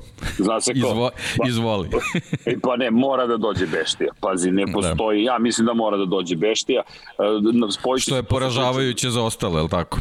Tako je, spojit će se sa pričom i o Jacku Milleru i o Žanu Zarku, ali neki šta ti očekuješ sada ovoga vikenda, šta on od sebe očekuje? I ovo će za njega biti ogroman test. Šta ti očekuješ od sebe u momentu kada svi znamo da si bio treći, kao i da si imao situaciju u kojoj ti zapravo u kojoj ti zapravo si možda mogao i da pobediš da si bio bolji u kvalifikacijama. Pazi, okay. kada pogledaš podatke, on je imao brzinu neophodnu za pobedu. Samim tim, verujem da će mu sada Dalinja prvi doći u, u, u garažu Avintije i reći, ej, vidi, očekujem pobedu. Jer e, da, da, da nije stil management, stil je m, takav. Neću da ga ocenjujem da li je dobar, loš, e, da li je pogrešan ili nije. Ali je takav da je on došao kod čoveka koji prvi put u karijeri na motoru starom dve godine ima pehar za treću poziciju i kaže, ali znaš, mogao si da pobediš da si bio bolji u kvalifikacijama i da si bolje startovao. Ali šefe, treći sam na motoru starom dve godine kao Domajlija. Da, da, znam, znam, nego čuj, mogao si da pobediš. Tako da mislim da će Da. biti ogroman pritisak na Bešti i živo me zanima kako će da odreaguje. Deki, ako uđe u Q2 i kvalifikuje se u prva dva startna reda, Beštija pobeđuje. Da. Ovaj, potpuno se slažem da, da, da možemo na taj način da, da, da, da analiziramo njegov napredak kroz, kroz trkački vikend, ali mislim da generalno to možemo u ovom trenutku sad da spomenemo važno za sve vozače je bez obzira što se vraćaju Mizano koji je onako bio uz Katar, ja mislim staza na koji su najviše i bili ove sezone uključujući, to jest ovaj, ako spomenemo Pa i međusezonski test test bio, tako tako je, međusezonski testove koji su vozili. Glavni, glavni ovaj, kamen spoticanja za sve njih, to je glavni problem, može da bude činjenica da, da dolazimo u Mizano u trenutku kad će temperature biti drastično drugačije da. od temperatura koju su imali na prvoj trci, bez obzira da li će biti kiša ili ne. Tako da i to će biti jedan dodatni ispit i, i za Beštiju i za sve te neke vozače koji su a, bili dobri a, u prvoj trci, a neki su to možda samo provukli kroz analizu, pa da, on je odrastao tu i može tu stazu da vozi žmurečki. Znači, taj neki dodatni faktor možda može njima da bude plus u smislu da ako ponovo bude dobar rezultat, neko kaže, a da, okej, ipak ti znaš što da voziš. Ma da, to si lepo rekao. Vidi, to su sad te, ta pitanja. Ako, if, then, ili if, when, ukoliko se desi Da. ovo, Da. da. jedan zaključak, ovaj drugi zaključak, ali iskreno gledajući Beštiju sada, pre par dana, prošle, pre par nedelje sada već, kako prima orden i kako vrlo ozbiljno nastupa čak i u javnosti gde je ranije bio poprilično opušten, zrelost izbija polako iz njega i svest o tome kod da njegovi dometi su možda i veći nego što smo očekivali. Ti si uvek verovao baš u njega, ali moram ti priznati da, da se vidi stitanje samopouzdanja i da mu mnogo prija to što je Moto Grand Prix ove godine, kao da je postao svestan, hej, ja mogu da se borim sa najboljima ovde. A kada čovjek toga postane svestan, kada stekne tu vrstu slike i, i o sebi i samopouzdanja, onda je još opasnije. A kada neki radimak beštija, ja mu u Italiji ne bi stavio na putu. Tako da meni će on biti baš, baš interesantan. A pazi, a, a, a ovo su vozači koji koji nismo još i na polovini onoga što imamo još u šampionatu. Pazi, šta ćemo sa Andrejom Doviciozom? Ok, nemamo velike Da. da. očekivanja, ali Domi... Da, ali on nam je, on nam je dobar link između Yamaha i Ducatije. Mm, tako je, pazi, Da, on je bio na Ducati, priča, da. sad je na Yamahi, Da. da. tako je, šta će da uradi u Mizanu. Neću pobiti Jacka Millera, Joana Zarka, pošto za njih je ovo svaka trka, svaki, te, svaki trening je sada dodatni test. Pritisak neće biti manji. Nema šanse da bude manji. Za Zarka, Zarko ima Martina pored sebe i sad ima Beštiju u nekom relativno malom klubu u ovom momentu timu koji ga pobeđuje. Bukvalno to Pa ne zna se u ovom trenutku, da, izvini, u ovom trenutku se ne zna bukvalno ko je, ko je pod većim pritiskom, da li Zarko ili Jack Miller. Bukvalno je teško izmeriti taj pritisak. tu smo, tu smo, seti se Millerovih grimasa i načina koji je reagovao po završetku trke. U Americi on jednostavno potpuno indisponiran. Jack Miller, šeretlija, ko je čovjek koji se stalno šali i koji u svemu nalazi na neki optimizam je došao do toga da Da je u da stanju očaja praktično, da. Tako je. Bukvalno je u stanju Da. očaja. Pa znaš kako, suviše si, suviše si dugo već na tom motociklu da ti kao neko koji je smatran šampionskim materijalom ne možeš da se uklopiš u taj Ducati, ne možeš da, da kontrolišeš pneumatike, ne možeš da se navikneš na njih već toliko i toliko vremena, jednostavno verovatno i sam prema sebi, sebi gubi strpljenje, to, a to jednostavno vuče u, u tu nesigurnost i, i, i na kraju krajeva dolaziš do te situacije da on ni, ni, ni svoje emocije ne može da kontroliše u, u trenutku kad bi neko koji je vrhunski profesionalac to trebao da uradi. Jeste. To su 100% u pravo i, i koliko god ponekad to izgledalo, ma ne, to je to ne treba previše čitati, to se ne treba previše gledati, takve stvari ne, ne, mora da se gleda u to. Te scene su i više od indikativne, vrlo su jasne, baš su vrlo jasne.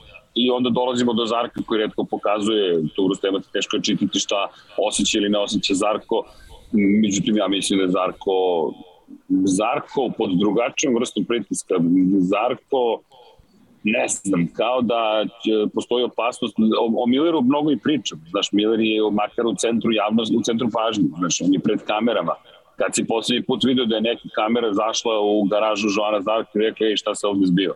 Da. Ja Da, mislim da posebno, njemu što, preči.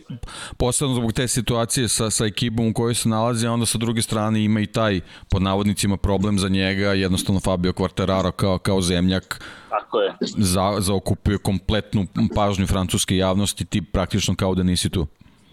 Pazi, mi pričamo, mi smo A dugo kako je, a kako je počela sezona?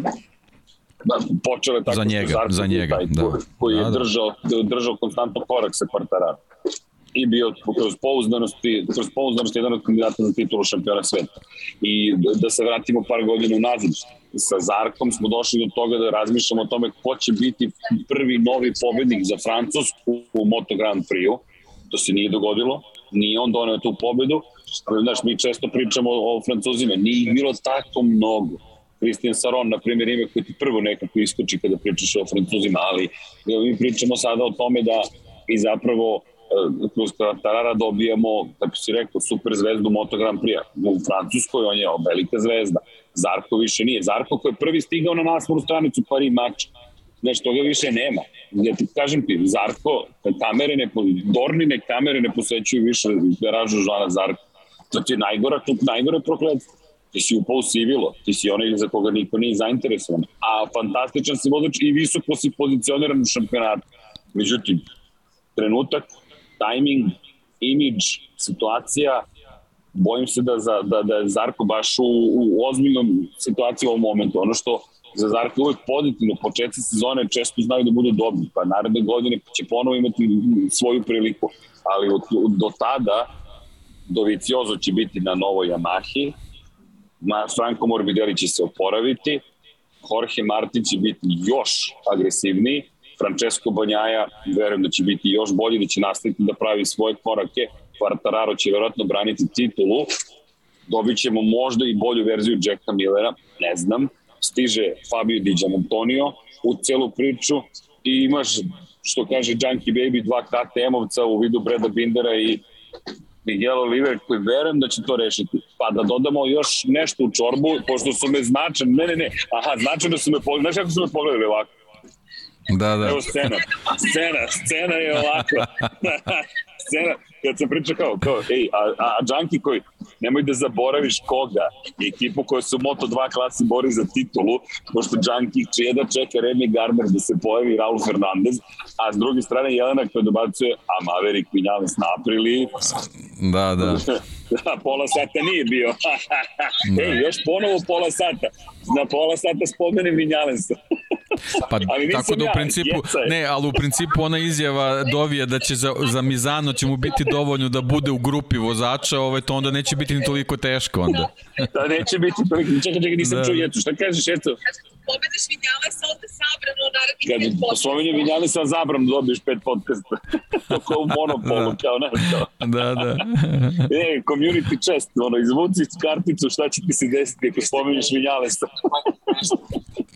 Da, inače ovaj, tako- ovaj vikend imamo tri aprilije na, na, na stazi. E, da, da, da, to, to Da, isto. to je, to ne ajde, smemo da ajde, već nema veze, da, nema veze sad onako preskačemo, možda nisu nisu na redu, ali ajde već kad smo kad smo spomenuli ovaj Pričamo. eto lepo je lepo je spomenuti se Salvadori vraća kao kao treća treća aprile koji isto ima problema sa sa sa povredom poslovnih one one one situacije u Austriji, tako da eto Maverick je prošlu trku pro, propustio Jeste. znamo iz baš onako emotivno ružnih ružnih razloga, jednostavno m, bile teška Nažalost. situacija sa po- pogibijom malog Dina Vinja- Vinjalesa, tako da ovaj, eto, i on, i on sad dolazi nadamo se da će eto i, i, i kroz takve teške situacije pronaći neku, neku motivaciju pa da nekoj sta, na nekoj stazi koju dobro pozna i koja mu odgovara ovaj, da, da izvuči iz toga nešto pozitivno. Ravna staza. Šta smo, šta To smo naučili? nisam to ja rekao, to si ti rekao, to si ti Vidim, ali neminovno je.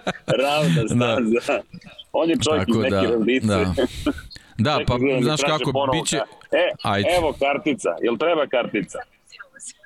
Sad uzimate papirče, dobro, kartica je da. ovde pozadnje. Uh, ukratko, mislim, bit će generalno teška situacija za sve tri aprilije, pre svega što je Aleš imao jako, jako nezgodnu trku u, u Americi yes. i njemu je sad potrebno da, da se podigne posle svih tih padova koje je tamo imao, tako da imamo bukvalno trojicu vozača koji iz razno raznih razloga imaju veliku motivaciju da, da, da ovaj trkački vikend završe što, što bolje, što kvalitetnije, ali sve je u, u, u, ovaj, u nekim njihovim, u njihovim okvirima šta za njih, šta, šta njih u stvari može da zadovolji u Mizanu. Jeste, ali deki, opet Italija, ovo je mnogo velika trka za Apriliju.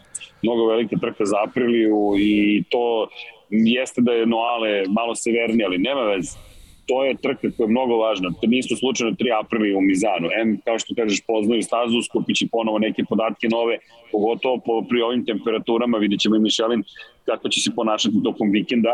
S druge strane, Sava se vraća, popularni Lorenzo Savadori na stazu, to je lepo videti, mislim da zaslužuje da se oprosti konačno od ove sezone, neću reći kategorije, verovatno će ostati probni vozač ekipe, ali zaslužuje na mesto na kojem je testirao, na kojem možemo očekivati dobar rezultat. Ne očekujem da, da, da se bori za šestu, sedmu poziciju kao Maleš ili možda Maverick, ali Salvadori bi mogao da osvoji poeni, to nije mala stvar. I mislim da je vrlo lepo što je Aprilija i korisno rešio da budu sa trojicu. Tu samo bih da istaknem da, da se i to osjeća. Ovde Aprilija mnogo važna. Ipak je ovo njihova teritorija. Da, Ducati vodi tu glavnu reč. Predugo je u Moto Grand Prix ima, ima fantastične rezultate, ali Aprilija tome teži. Sad sa Vinjalesom ponovo na stazi, Alešom kao najiskusnijim na tom motoru i Savom koji je na svom terenu dobio priliku, može biti lep vikend.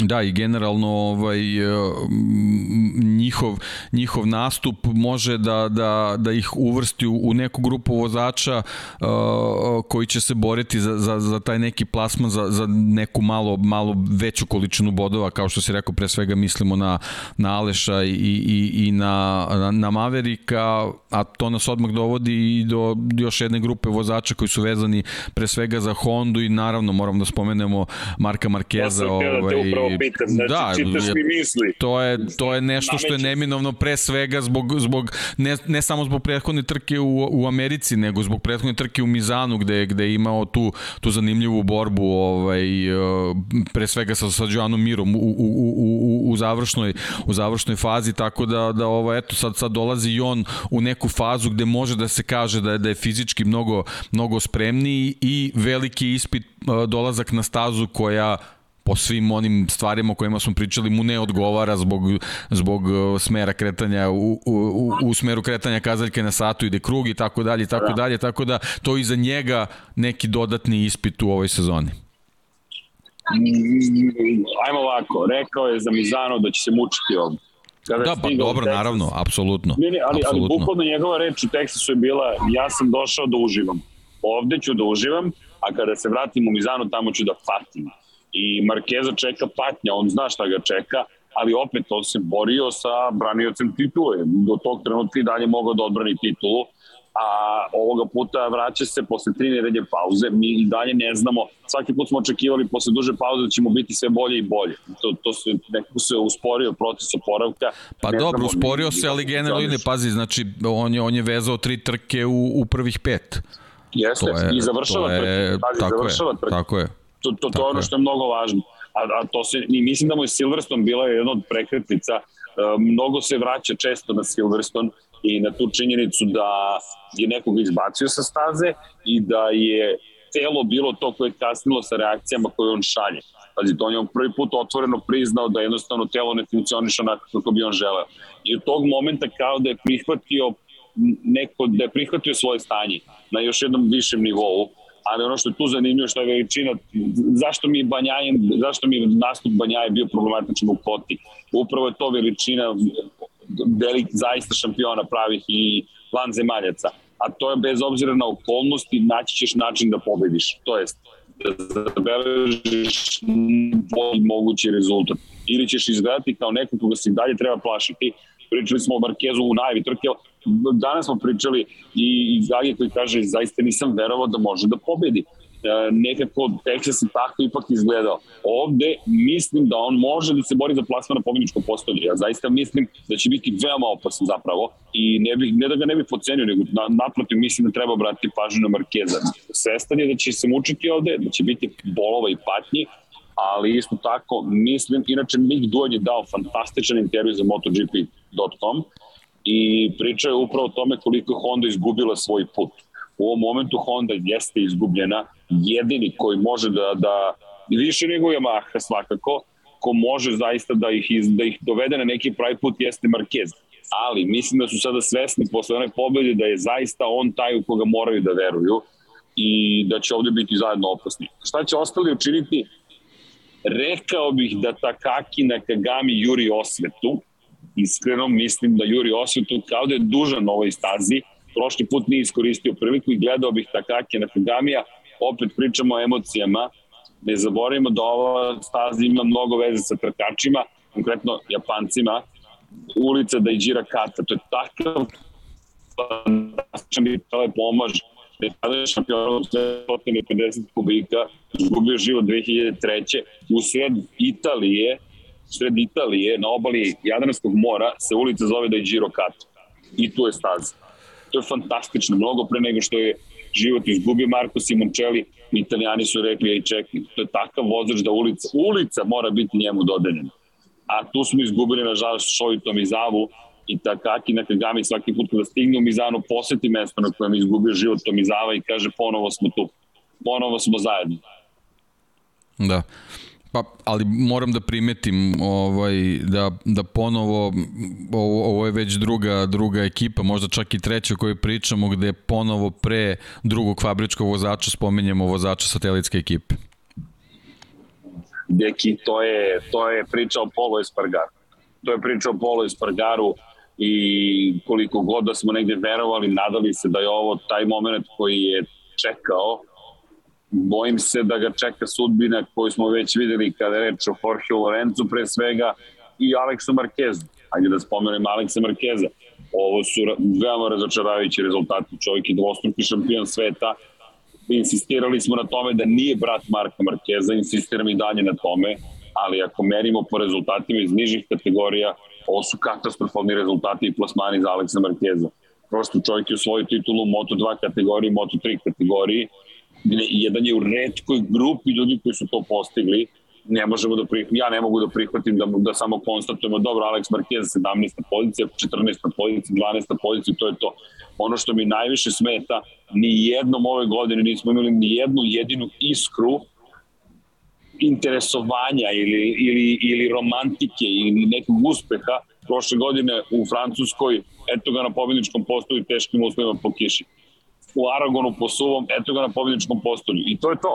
Za celu njegovu karijeru do sadašnju Moto Grand Prix kategoriji vraćat ćemo se na Le Mans i Aragon 2020. To nije, ne da nije dovoljno, nego to je katastrofalno. A ima fabrički motocikl u svojim rukama. Da, ali ako tako pričamo Aleksu, šta da kažemo onda za, za dvojaci Suzuki, pre svega ovaj, šta da kažemo za Rinsa koji je bio i pobednik? Ne znam Ne znam, zaista ne znam. Ja samo držim palčeve da će se dve stvari desiti, koliko god to možda bilo to, mada ne mislim da će biti loše da, da, će, da, da će se Davide Brivio vratiti u Suzuki, pod jedan, i da će Suzuki reći, ej, mi zapravo moramo da se bavimo ovim motociklom mnogo više.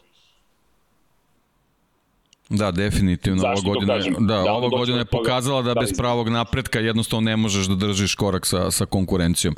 Nema, bukvalno nema, nema uh, ni malo prostora za, za, za odmaranje i, i za pauzu, bez obzira, da, bez obzira pripremaš ti za 2022. To je sve super, ali jednostavno aktuelna sezona, to vidimo i u Formuli 1. Jednostavno, ako si, ako si na, na, Tako na, je. na vrhunskom nivou i ako si aktuelni šampion, ti jednostavno moraš i u sezoni gde braniš titulu ili kako god se to sad zvalo u ovom trenutku, jednostavno mora, moraš da pokažeš na kom Pa, si nivou. deki, savršeno si rekao, mene Suzuki razočarao veoma time što, zašto su i Mercedes u Formula 1 i Red Bull u Formula 1 takvi timovi, pa i Ferrari koja tu bori se i ove sezone, iako je fokus u 2022.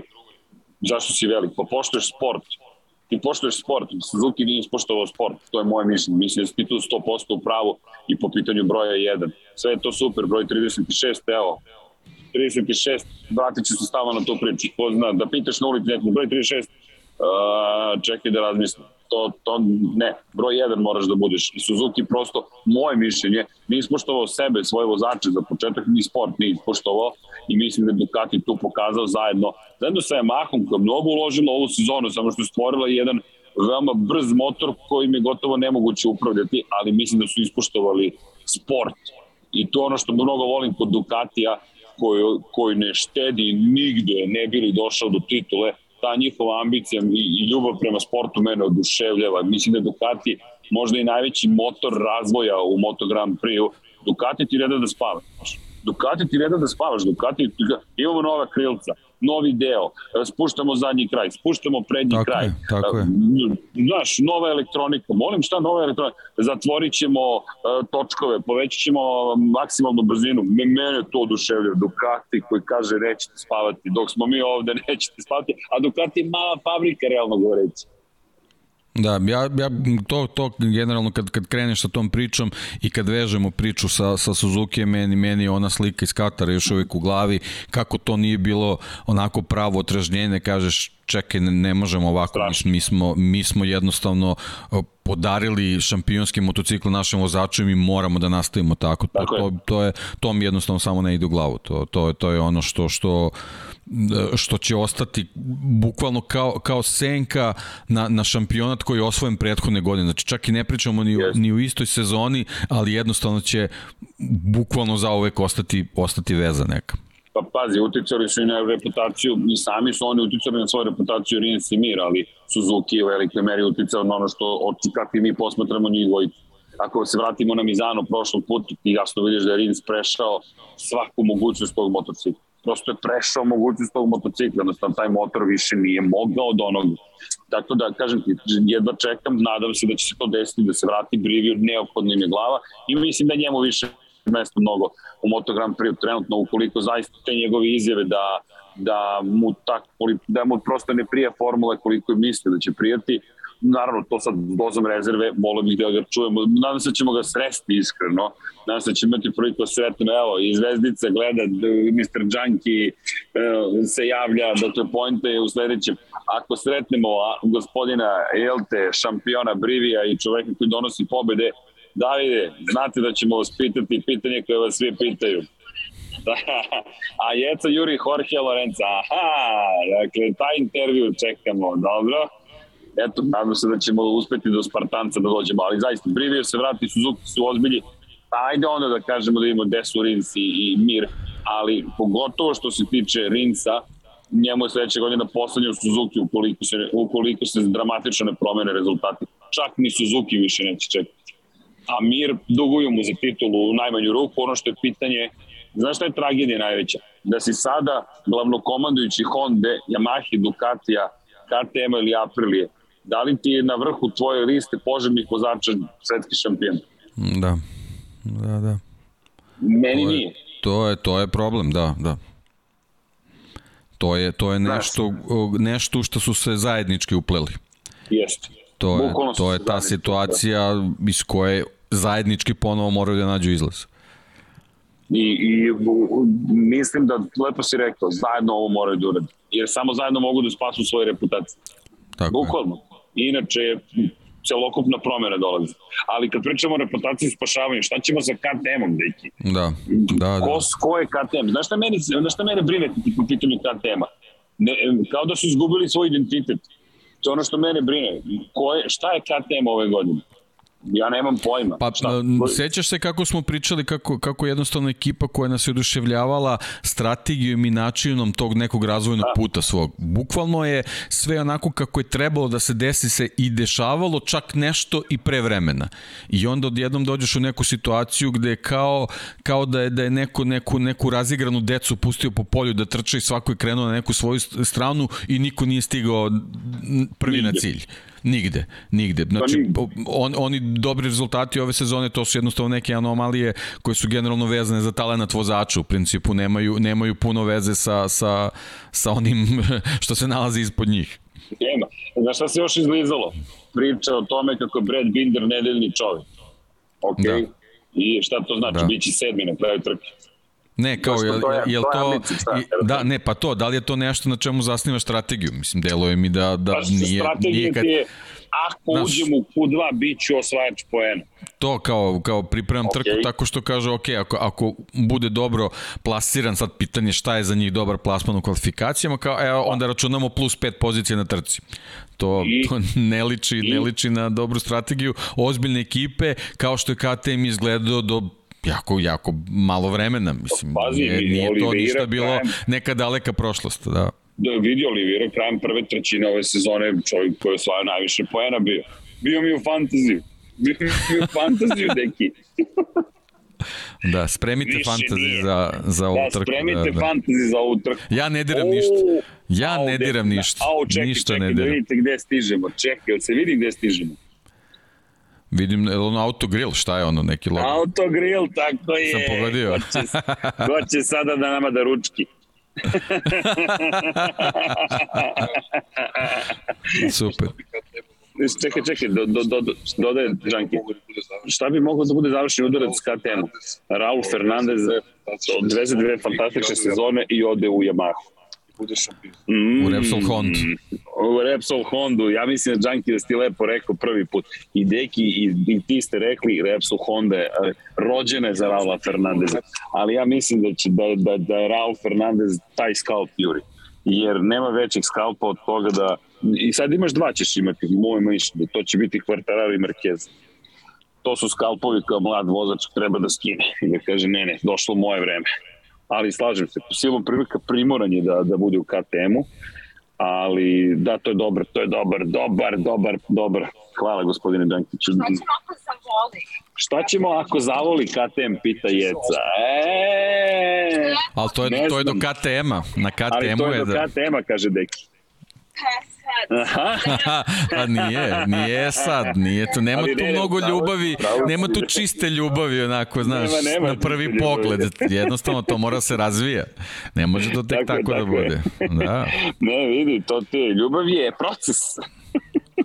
da, dobro, je, mislim, eto, generalno vezano za KTM, da imamo... citiram? Kaže Jeca, KTM je ljubav. Jeste, sve, sve stoji, ali ove, eto, ove, ove nedelje imat ćemo tu emociju vezano za, za Petrućija, tako da eto, možda i oni mogu tu da budu, ovaj, Jeste, da, jeste, da, ukradu, a da ukradu malo pažnje, da. Izvini, ovde dodaju nešto, ali da, možda ukradu pažnju. To bi bilo, to bi bilo lepo. E, Svi su uzbuđeni pošto je stigao autogrill. Uzbuđenje od jednog sportskog hoćeš da završavamo ili... Ne, ne, ne, mo, ne, ne, ne. Imamo Da, duhovnu ne hranu, pričamo o MotoGP-u. Da, evo, evo Vanja Vidi. kaže, on ne, neće da završi.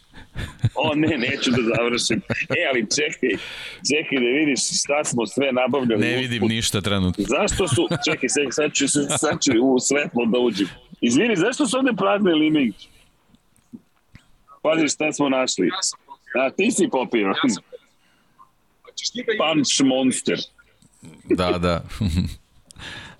Šta ću, da ću da jedem? Naravno da ću da jedem. Onda, vidi šta se kupuje. Pa To je dobro. gospodin Kašer. Očekivano, očekivano. Očekivano jeste. Jeca ima Hamiltona i, i imamo neki moramo pitamo Tomu, punch, nemam pojma, neki specijalni. Eto, to je ishrana šampiona u, na putu do slave. Inače, koliko I imate tako. još? Koliko imam još? Prvo ti kažem, nemam predstavu, pošto smo pričali, pričamo već neko vreme, ne, prvi autogrill, opa, to je za mene, ključevi, hvala, ostavili su me, idu da jedem. Čuli ste vrata, bum, samo ti pričaj. E, a možda bi mogu i autogrill pa da pričam tamo. Ne, ne, to je prevelika buka. I da. tako, deki. Ostaviš... Dobro, nećemo, nećemo još dugo, ali generalno ajde da, da, da prođemo i ostale kategorije. Kad smo kod Naravno. tema, naravno, Moto 2, Tako je. Šar- šargarepe su tu, idemo o njima, pa da. Su i šargarepe, da. pa proti, kažem, da čekam da te garaže, da vidim kako izgledaju E, to, dvojica. to, to, Znaš, to, kakvi to, su to. pogledi kad kamera ne snima, kako izgleda debriefing, šta, šta priča Remi, šta Pa priča general, generalno se ih nemamo, nemamo ih dovoljno u fokusu. Ne, A, nemamo. a jako, je, Ej, jako je nemamo. zanimljiva borba ostala. Jeste, pazi, to je tako malo poena razlike. Ko pobedi, uf. I, I sad vratimo se na opet 11. krivina i na, na moment, na ku, kurvoneu, kako to izgleda i da li ostaje na točkovima ili ne ostaje Remy Gardner i da li će se to sad vratiti. No, vidi koliko taj jedan moment u trci utiče na ceo šampionat. Ja sam Da, ali- ubeđen, ali- ono što ti rekao prošli put da je tačno 100%. Ali, ali Srki, poenta je da, da Raul u, u poslednjih pet trka ima četiri pobjede. Jeste. I to jest, ajde, Jeste. da ne idemo tako, tri uzastopne pobjede su Jeste, Raulove. Je, mislim, Jeste. baš, baš je čitava situacija vezana za, za Remi onako nezgodna i, i baš veliki, veliki ispit da pokaže, da pokaže ovaj, da, li, da li ima neke gene koje bi trebao da ima u ovom trenutku. O, vidi, tata je, zna se ko, Wayne Gardner, šampion iz 1987. Moto Grand Prix, to je 500 kubika. I nije mala stvar. I eto ti pritiska. Kao da nema dovoljno pritiska, ajmo još pritiska. Pa sad u Moto dvojkama. Pri čemu vidi sve priče koje se sad pletu već za Moto Grand Prix, a oni treba sve to da isključu iz svoje glave i da kažu ne, ovaj trening, ovaj trening, ovaj trening, ove kvalifikacije, da. ovo jutarnje zagrevanje. Bukvalno deo po deo, tako je, tako je. S- Samo tako, a Checklist i, i, i da štiklira, da, da. To. Bukvalno tako A pazi mora da koja je bude. fama. Pazi, mora da se, na neke staze mora da se ide ukoliko ste ljubitelj MotoGP-a. Mora da se ode na stazu u Italiji, mora da se ode na stazu u Španiji, mora da se otputuje, pa i u Ameriku treba da se ode. Iz drugih razloga, ali ovde, ovde miriše na benzin. Znaš, ovde u autogrilu ja sam siguran da, opa, neko me ovde isključio, izvinite, ostadoh bez struje. Da, Pa nisi ostao bez struje, nego jednostavno bio je bio ovaj na, na E, Da, bio je. Čekaj, čekaj, čekaj, sad ćemo mi to da sredimo. Eto, bravo. E, to je rasveta. Da. Vanja, kako je osvetljenje, reci? Savršeno, evo, tam zap si dobio. Tamo zašto Pa sam kad dobio. pre, šta gotovo već? Gotovo, jesi jeo? Pa neverovatno da E, naručite meni nešto. Šta? Neki hot dog, nešto. nešto lepo. Ma nešto, nešto lepo uzmite za čika srđa. pozdravljam sve koji me znaju. Pozdravim sve koji ga znaju. Sutra ti dobiješ dece. mikrofon, sutra ti dobiješ mikrofon, Dosta je mikrofon ovo uživanje. Ne, jeste uživanje. I kaže, kaže Džanki, što, što, ma šta god. Verujem. Brine Džanki o meni. Jedini došao da pita šta ću da jedu. Jeste, a uživanje će stvarno biti moto dvojke. I veruj mi, O, bit će moto stvarno, dvojke. Mislim da će ludnica biti u trki. e, Ja mislim da će njih dvojica imati baš direktno. No ne direktno samo njih dvojica, mislim da će generalno i ostali će biti tu, mislim da... Ej, e, vidiš Diđu kako podiže formu u poslednje vreme, Diđa. Pa da, da. Kao da je postao svestan, ne, vidi, dosta je bilo šale, idemo u MotoGP, malo se više se ne priča o meni, ne samo to, postavljaju se pitanja da li je to bio ispravan potez. Pa Znaš, vidi, iskreno, ne treba iskreno, iskreno Znaš. smo mogli onako da se zabrinemo generalno šta se dešava s njim. Da, da, I ovako sad, sad ove poslednje, da kažemo, ajde, tri, četiri trke, to je već malo, malo ozbiljnija priča. Jeste. I, I dopada mi se što je reagovao, što nije ostavio na tome, pa okej, dešava se šta se dešava. Ne, ne, to ne, to ne sme da se radi. On bukvalno ne sme sebi to da dozvoli. Da. I naravno, nije samo on. Naravno da gledamo, kak, vidi, Sam Lowe's, ne znam, zaboravljam Koji Sam put, Lowe's. koji put, da, da.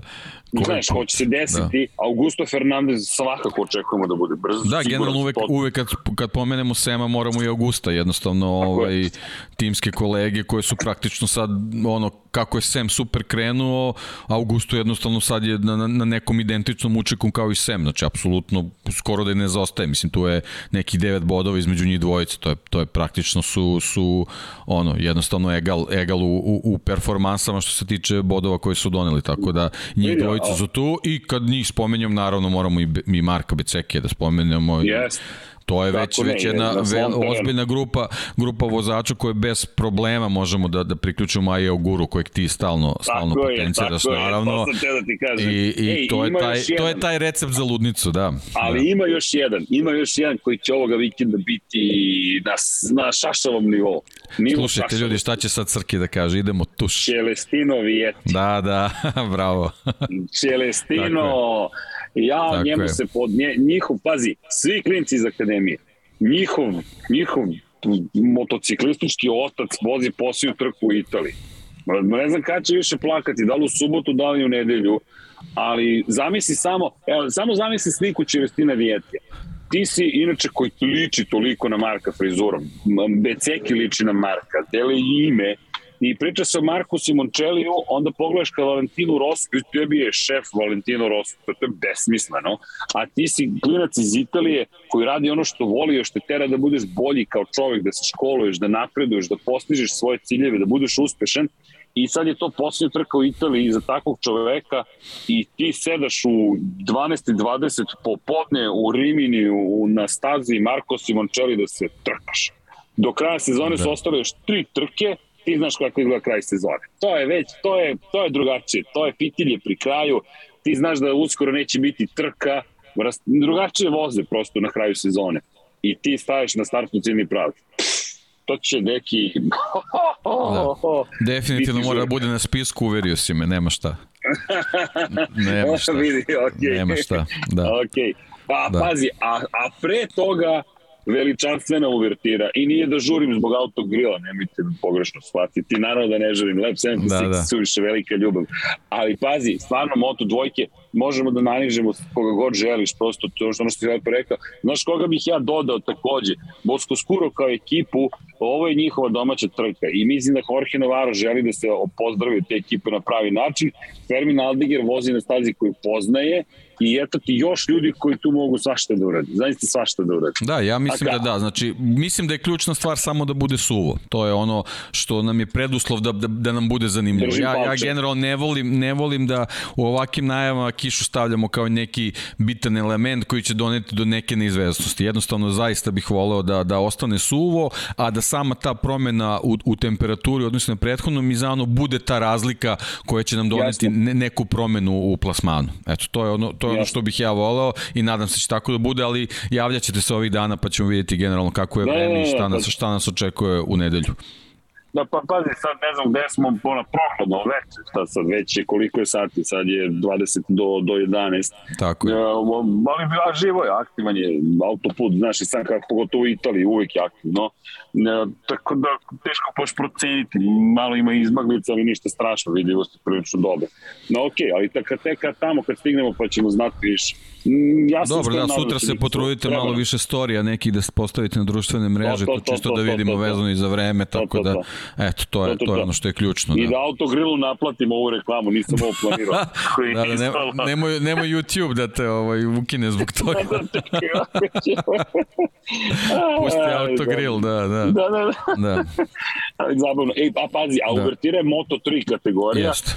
koja Jest. ja više ne znam, deki, nije mi, moram ti priznati da mi da mi da, da, da, da nije mi jasna sezona, iskreno. Da razumem da će Denis, pazi, Denis Vođe će biti favorit. Odmah, mislim da su, ja ne znam da se slažeš sa mnom, da. ali Denis Vođe je favorit. Pazi, Italija još jednom Leopard Racing, Midra Kotur, fokus na borbi za titulu šampiona sveta u boljem je psihološkom stanju, siguran sam, nego što je bilo Pedro Acosta, bilo Sergio Garcia. Mislim da ovo bukvalno njegova trka i ukoliko sada ne uspe, to je, to je manje, neću reći baš to je to, ali mislim da, čak ne mislim da ne razmišljaju tome ne uspeti, ja mislim da Fođa već sada u svojoj glavi sebe vidi na poziciji broj 1. To je moj utisak. Jeste. Jeste. I, I ovde ono, ono generalno što smo pričali vezano za te neke ispite, kad se već spomenuo Pedra Kostu, sad ćemo videti od čega je on sazdan posle svega onoga šta se dešavalo u Americi. Ovaj, to će isto biti jako, jako važna stvar koju treba pratiti bukvalno od, od prvih izlazaka na stazu. Jeste. Ne, I to si lepo rekao od prvih, jer vidi, sad nema izgovora i ja ovu stazu ne poznajem.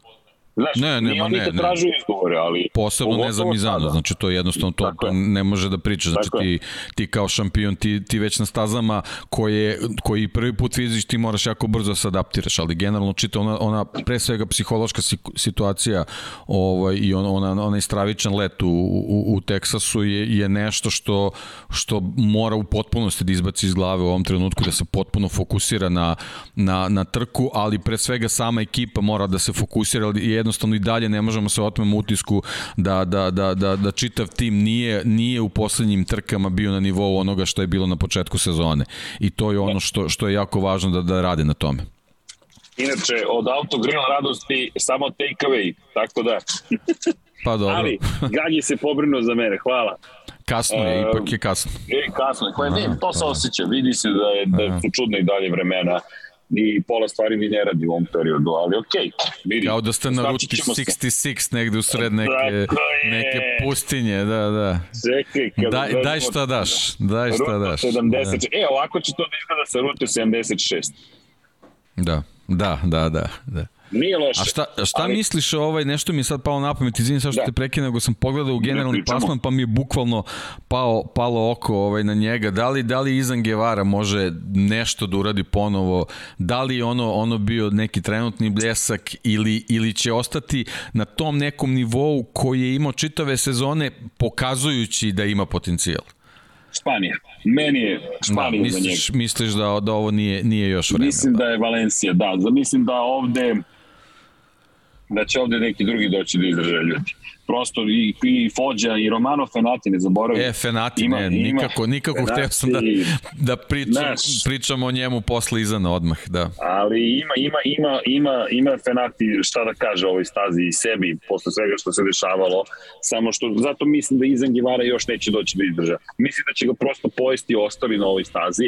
U Valenciji već tu mislim da smo bukvalno na njegovom terenu i tu verujem da će Givara pokazati ono što je pokazao i prošle godine, čak više nego i tom čudnom pobedom u Teksasu. Meni je to Mm, ipak mi je to na nivou neke trke koja, da, desilo se zvanično završeno, sve super i drago mi zbog njega, zaista mi je drago, ali drugačije kad ti prođeš kroz cilj kao prvi posle cele trke kažeš što je to. Znaš, to je, to je drugačije Tako je, i tako to je. mislim da će se desiti tek u Valenciji. To, to je Bukvalno, nema, utisak, da. bukvalno nemaš ni fotografiju za uspomenu sa staze, Tako da je. si prošao I, prvi I čak i da se setiš te trke, pa pazi, Da. šta ti prvo padne na pamet na tu trku? Da je incident, moje mišljenje, da, da je incident. Kao i Belgija ove godine u Formuli 1. Ne padne mi na pamet Da. da. pobjeda Maxa Verstappena, ne, nego Tako je, tri tako kruga je. iza vozila Tako je. bezbednost. Tako Tako je. da to ne umanjuje vrednost onoga što je postigao momak, ali činjenice da nije još to to. A mislim da će, to, da će se to desiti u Valenciji. Mnogo više, mi sad, sad Sergio Garcia, njegovo stanje, šta će biti, da što oni dele Da, garažu. meni je, meni je u stvari ključna stvar njihova disciplina na ovoj trci. Znači, to je ono što, što Je, ovaj, je nešto što, na što moramo da, da, da obratimo pažnju, ali pre svega oni moraju da obrate pažnju, da, da, či, da, da trka jednostavno prođe što čistije i da momci koji, koji imaju, imaju šansu da, da, da nešto više urade vezano za generalni plasman, dobiju jednu, jednu, jednu čistu trku i da, da dobiju mogućnost da to i urade. Mm, to je to. To je to. A Mizano poznaju ga. Znaš, baš ga poznaju i nije u stanju u kojem je, bio, u kojem je kota koja da, da podsjetimo ove, godine- ove nedelje imamo i Formulu 1 u Americi, tako da će to biti Da. zanimljiv ispit iz, iz perspektive toga šta ta staza može da izdrži zapravo. Da, to je to je ovaj mm, jednostavno ključna stvar za za što za za za za nastup u Moto trojkama je sad da li tu nešto sad licitirati generalno oko oko ovaj plasmana mislim da ovi momci koje koje smo ispomenuli da je to jednostavno ta neka To je to. lista oko koji će se to sve i vrteti u toj priči. Znaš koga bih dodao sam? Znaš ko mi pada ozbiljno na pamet? Prolazi mi kroz glavu vrlo ozbiljno u celoj priči. Andreja Minjo. Minjo je imao kont, on, to je bliski kontakt sa, nažalost, ono, krajem. I način na koji je reagovao po završetku te trke. Cijela ova godina za njega je jedna katastrofalna godina, suštinski. Ostaje u Moto3 klasi, ali ovu stazu poznaju ovo njegove Italije. Iskreno verujem da, da, da će ovo biti, i i ne zaboravimo opet, njegov mentor je Valentino Rossi, on je u VR46, m, zaista samo bih, baš bih ozbiljno istakao Andreju Minja. Tu nam je i Slažem se, slažem se. Helena. da, tako da, Andreju Minju bih se. samo zaista dodao. Verujem duboko da taj momak, i sad pričati o zaslugama je nezahvalno, ali mislim da je vreme da mu se odloži 2021. i kaže, ok, evo jednog dobrog, evo jednog dobrog vikenda. Upravo si, upravo si, potpuno se slažem i, i tu se završava otprilike taj spisak tih nekih ljudi koje, koje možemo, na, na koje ozbiljno možemo da ručamo. na sada možemo da, da spomenem, Da. tako je. Tako, tako da, je. to je to. Kakva je Dobro, situacija Srki. tu u studiju? E, pa evo, tu smo, Vanja i ja, ovaj, Dominacija. Da, Vanja ja, par komaraca, ali uspeli smo malo da ih, da ih rasteramo, da nas ostave na E, šta je miru. sa Ovaj. komarcima? Odakle su se pojavili? Uopšte mi nisu jasni. Ne znam, ne znam, morat ćemo da izanaliziramo da vidimo šta se dešava. Ali okej, nisu, nisu mnogo smetali. Jednostavno, u stvari, došli su samo da pitaju gde si, Da jednostavno, nešto, nešto im je bilo, ovaj, nešto čudno, ovaj, pitali su Vanju za neke planove, zašto su kamere zatvorene, ali evo, jednostavno, ovaj, dobili su odgovor kad je krenulo sve i ništa, otišli su, tako da skroz smo u redu po tom pitanju. Da, tako da, lepo. eto, ništa, pripremamo za, za Lepo. sutra specijal, hoćeš ti da najaviš o čemu se radi, da nas ljudi pogledaju i Ne sutra. znam da pevam.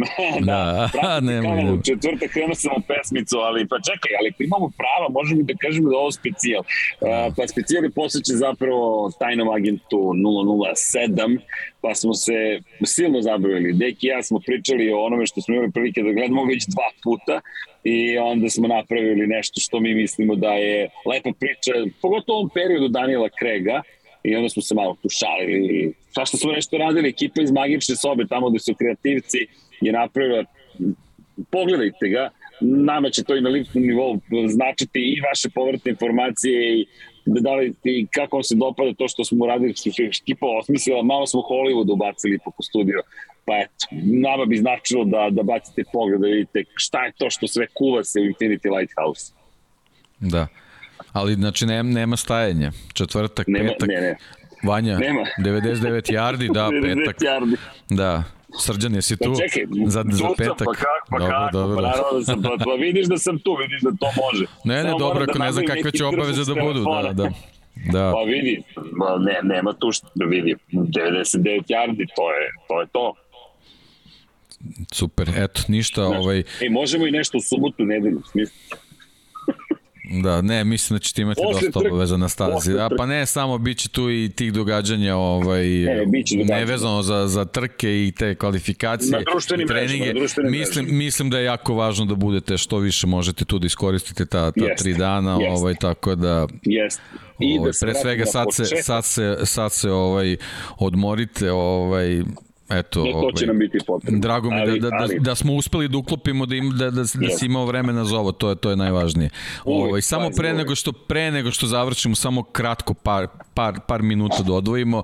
Ovaj, pre svega vezano, to, smo, to, si, to si juče spomenuo ovaj, u, u, u podcastu, Energica generalno od 2023. izlazi Da. iz uh, Moto E, znači Da. imamo sledeću sezonu sa identičnim motociklima, šta će da bude u 2023. to je sad već pitanje i možda ćemo moći da To, u nekom trenutku razradimo neke priče pa ćemo pričati gde, gde to sve odlazi.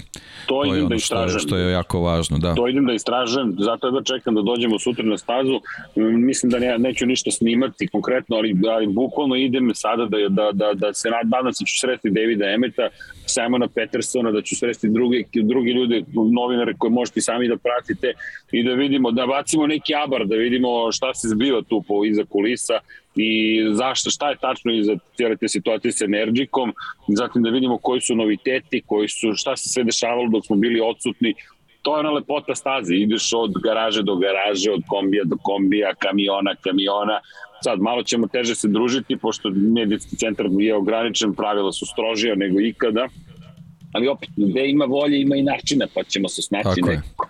Tako je. I moramo samo da spomenemo, ovaj, nismo pričali o njima, u Superbajku je ludnica. Znači ono, ono što najavljujemo moto dvojkama, to je, to je već u Superbajku. Argentina je bila ozbiljno dobra Uh. trka. Da. Uh, jesi uživao? Kako nisam, kako nisam. Jedino mi je nekako, moj utisak nekako mi je Johnny bio mlak prve dve trke, to je to mi je nešto što što mi je što mi je nedostajalo. prvi Ne, ne da- znam, da- da ne znam kakav je tvoj utisak, ali Kao da moj utisak je mlak, to mi je to mi je ta reč, ne znam zašto. Da nije bio Johnny, to je to, je, baš je lepo. Nije, kao da je neko drugi bio na tom motoru, neko ko može da prihvati poraz. Da, bila je, bila je treća trka, treća trka mi je bila onako baš super, super bike borba, ali samo na, na, na mahove. Nije Tako ono je. kao nekad, pričali smo ovaj, o, o tom čuvenom du, eh, duelu ovaj, uh, Baylisom i Edwardsom, kad nešto, kad nešto traje čitavu trku, to, to je bio taj super bike i one, one ranije trke to. i ovaj, ovde, ovde na mahove smo dobili tu borbu, ali, ali, nešto, Ali- mi, je- nešto mi je tu nedostajalo. Kao da je postojala neka rezerva, to, to je to mi je, To je to mi je čudno. utisak. Da, Ali, deki, da, šta smo najavili prošle nedelje? Šta smo rekli? Scott Redding. da. Scott Da. da. Redding. O, i, I tačno to da, da se pojaviš da se pojaviš i kažeš, ej, ja ovde se pitam nešto. Tako je, pa naravno, utičem. naravno. Potpuno legitimno, potpuno legitimno. Fantastična Da. da. sezona. Ja, ja čekam raspad, to ki vidjet ćemo, znaš, da li može čudo sada već manje više se desi, ali, ali, ali ja, ja, ja da čekam Argentinu, moram da. Da. ne Argentinu, ja da čekam generalno da, da, da, da završimo u Mandalici, da u odemo je. i da, da, da vidimo šta, kako će to da se završi. Jer Još jedan trkački vikend, tri, tri Tako trke, je. mnogo tu može toga da se desi. Uh, 30 bodova, 531, 501. Znaš, To to, je- to je, teško, ali nije Da. da. nenadoknadivo. Nije Pri čemu svašta se nenadoknadivo, dešavalo u ali mora, mora, više, mora više neke agresivnosti da bude tu. Jednostavno, Jeste. taj mi neki utisak da je, da je Johnny nekako suviše rezervisan bio ili jednostavno taj Kawasaki videli smo tokom Deki. sezone da da nedostaje nedostaje tu snage. Posebno onaj Pričamo- onaj zadnji pravac bilo je poražavajuće baš. Jeste. Da. Pazi, pričamo o Suzuki-u, pričamo o Ali top, Yamahi. Toprak je bio sjajan, mislim, to je jednostavno moramo da, da, da Ne, apostrofiramo. ne, ne, to do Yamahe, to do Topraka. Tako je, Toprak tako je, taj tako koji je, to pobeđuje. tako I ono što, Da. pazi, sezona može biti Yamahina u potpunosti, što je velika stvar. Da i u MotoGP-u i u Superbike-u Da. da. ti osvojiš titul. To se ne dešava Tako tako, često. Tako je. I kad krene onda pritisak javnosti da Topraka gledamo u Moto Grand Prix-u, Tako je. Ej, tu svašta. izvini da, te pitam, a ko je drugi vozač Petronas? Tako je, tako je. godine? Tako je. Ja ne znam, je. čekamo. Rekao je Lin Jarvis do Mizana će se znati. Evo ga Mizana. Znaš kako? I čitava, i čitava priča oko, oko, oko Petrona sa njihovih sponzorstava, vidi ekipa... Izbacujete. Izvini, izbacujem. Nisam ni jeo, ali, ali, ali kažu moramo da krenemo dalje. Ključi Aha, u bravi. dobro. Ključi u bravi. Vraćaju me u mrak. Da, da, dobro. Evo, zauzeo sam svoju poziciju. Jesi tu. E, dobro. Tu sam. Ovaj, kažem, eto, jednostavno čita ta situacija sa, situacija sa Petronasom, njihovim sponzorstvima, odustajanjima, uh, nekim drugim poslovnim odlukom i tako dalje, jednostavno ekipa će biti prinuđena da dovodi vozače koji imaju dobar sponzorski paket i Toprak je tu, što zbog rezultata, što zbog Jeste. čitavog, čitave podrške koju ima, apsolutno dobar kandidat za to mesto i osvajanje titule dovodi do toga da, da, je, da možemo samo jedva da čekamo da ga vidimo tamo. Neki tržište je vrlo ozbiljno za sve moguće. Tako je, tako je, tako je. Tako da Mlado eto, i, i, i i tamo, tamo nas ovaj, čeka ludnica, morat ćemo malo se strpimo, malo je veća pauza, ali dobro, dok, dok, dok prođe čitava priča oko svetskih šampionata u, u Moto Grand Prix jednostavno priči, onda ćemo da se pridružimo i Superbajku i, i, i, i da to odgledamo i da ispratimo onako najbolje kako možemo. Tako da, eto, to je, Da. to smo morali da spomenemo u možda? trenutku. Pa nema u principu, ovo, evo, evo vidim na, na, na četu pre svega ljudi dele naše oduševljenje što ste konačno tamo, to je ono što je, što je najvažnije, To- tako da, tako da lako, lako ćemo za pitanja svih ovih dana, mislim jednostavno, vikend je, vikend je E, da. tek pred vama, tako ali, da to je ono što je važno. E, pišite u komentare ukoliko možete pitanja koja biste postavili šta vas zanima sa staze da, da, da, da pokušamo da iskoristimo to vreme svi zajedno. Tako je, tako je. Mislim da je, mislim da je to da je to najbolje. A sad ovaj u ovom trenutku mislim da je najvažnije da da pre svega lepo, zdravo i, i bezbedno stignete tamo gde, gde ste krenuli. I da jedemo vrlo ovaj, zdravo. Da, tako je, da klopate šta god, nema veze, samo da, da se napunite energijom, da odmorite i da, da, da, Jest. da budete spremni da od sutra krenete da nas izveštavate što više možete. To je ono što je jako važno. Krećemo, krećemo u akciju od, od ranoga jutra. A Eto tako. Super. Mislim, eto, kažem ti, pre svega drago mi je da smo uspeli da, da, da uradimo ovaj, ovaj podcast bez nekih velikih tehničnih problema, baš je bilo onako Ej, sve smo bolji i tečno bolji, i super, tako, tako. Pa dobro, pazi, sve je stvar uvežbavanja, tako da moramo To, da to, prođemo to. sve te elemente. Tako da, ovaj, eto, kažem ti, ovaj, sreć, srećan put do kraja, ne znam koliko još Hvala. imate, ovaj, Nemam odmorite pojma. se i ništa, eto, od sutra smo na vezi da vidimo šta, šta sve možemo da saznamo novo i pre svega eto da, da, da nam nešto iz prve ruke ovaj donesete što ovako na daljinu za sve, o- sve ovo vreme i sve ove mesece jednostavno nismo uspeli i nismo mogli. Kao što si rekao, dve, dve godine je nešto, ipak je predugačka pauza. Predugačko. Ja, pogotovo mi deluje nevjerovatno da se ovo dešava. Tako da, da jedva čekam, prvo ti kaže se probudim i onda, onda vidimo lepo negdje u daljini tornjeve i kažem idemo u Super, akciju. super, super. Hoćeš ti da odjaviš Hvala. U Hoćeš tvom ti? stilu? Ajde, bolje ti u Kako? tvom stilu. Da, da, da ne vežbamo sad to. Bolje da Sa ne vežbamo. autoputa. Tako je, to sa Sa autoputa. auto, Da. da. Koji je autoput? Na kojem smo? A, neko, a... Nema veze. tu smo u Italiji negde i vozimo se, jedemo brzu hranu i uživamo. Posle padove, tek smo kod padove. A, tako pa da- dobro, imate vi... Kad ste vi krenuli u 7 popodne, nemam pojma. Nemam pojma, deki, gde smo zaglavili usput. Pa kažeš ti, jurili smo papire. Papiri, papiri. A, moguće, moguće, da. Da, da. Ali dobro. E, Deki, hvala tebi što si odvojio. Hvala vam svima, pozdrav, pozdrav za sve drugare, uživajte. pozdrav ovde imaš iz kombija. Mada su uglavnom sada u sendvičima, moram da ti priznam sad. Ma, ja čekaj, čekaj, čekaj, čekaj. Ćao, ćao.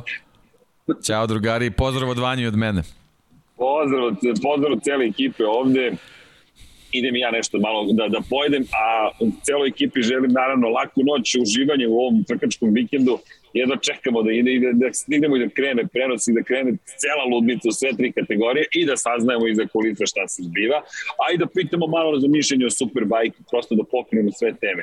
Do tada, budite dobri, mazite se i pazite se, vodite računa i vozite računa jedni od drugima, budite like, budite subscribe, prosto volimo te stvari i naravno mesec je borbe protiv raka dojke, tako da ponovit ću milion puta i neću stati, devojke, proverite se, rana detekcija pomaže, može da spreči neke vrlo ozbiljne komplikacije i ozbiljne probleme, a ako ne vodite dovoljno sebi, povedite računa o svima ostalima, pa i o nama, nama je stalo do cele ekipe Lab 76, momci, podržite devojke, naravno, mi ćemo nastaviti da nosimo roze majice gde god je prilika, i da promovišemo prosto tu ideju toko meseca oktobra, a i kada prođe oktobar pričat ćemo o tome, samo što je prosto ovo mesec kada je najveći fokus upravo na tome. Pošaljite 917 na 3030 da pokušamo da pomognemo jednom momku da vid bude u mnogo boljem stanju i da živi jedan još lepši život. S druge strane, Human 917-455 ukoliko ste u Švajcarskoj, ukoliko niste, gde god da ste, gde god da živite, šta god da radite, nekom pomozite, pružite podršku, pošaljite poljubac, recite nekom da ga volite, evo ja ću Džankiću. Džanki baby, volim te. I ja tebe no sam dobio. comment, no comment. dobio sam i ja tebe. Tako da, recite nekom koliko ih volite, pozovite ih, recite, ej, volim te. Ne, zašto?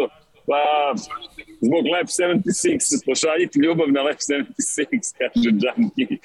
Ali, gde god da ste samo uživajte naravno, Ćao svima iz Ćao, Italije. ćao, pozdrav.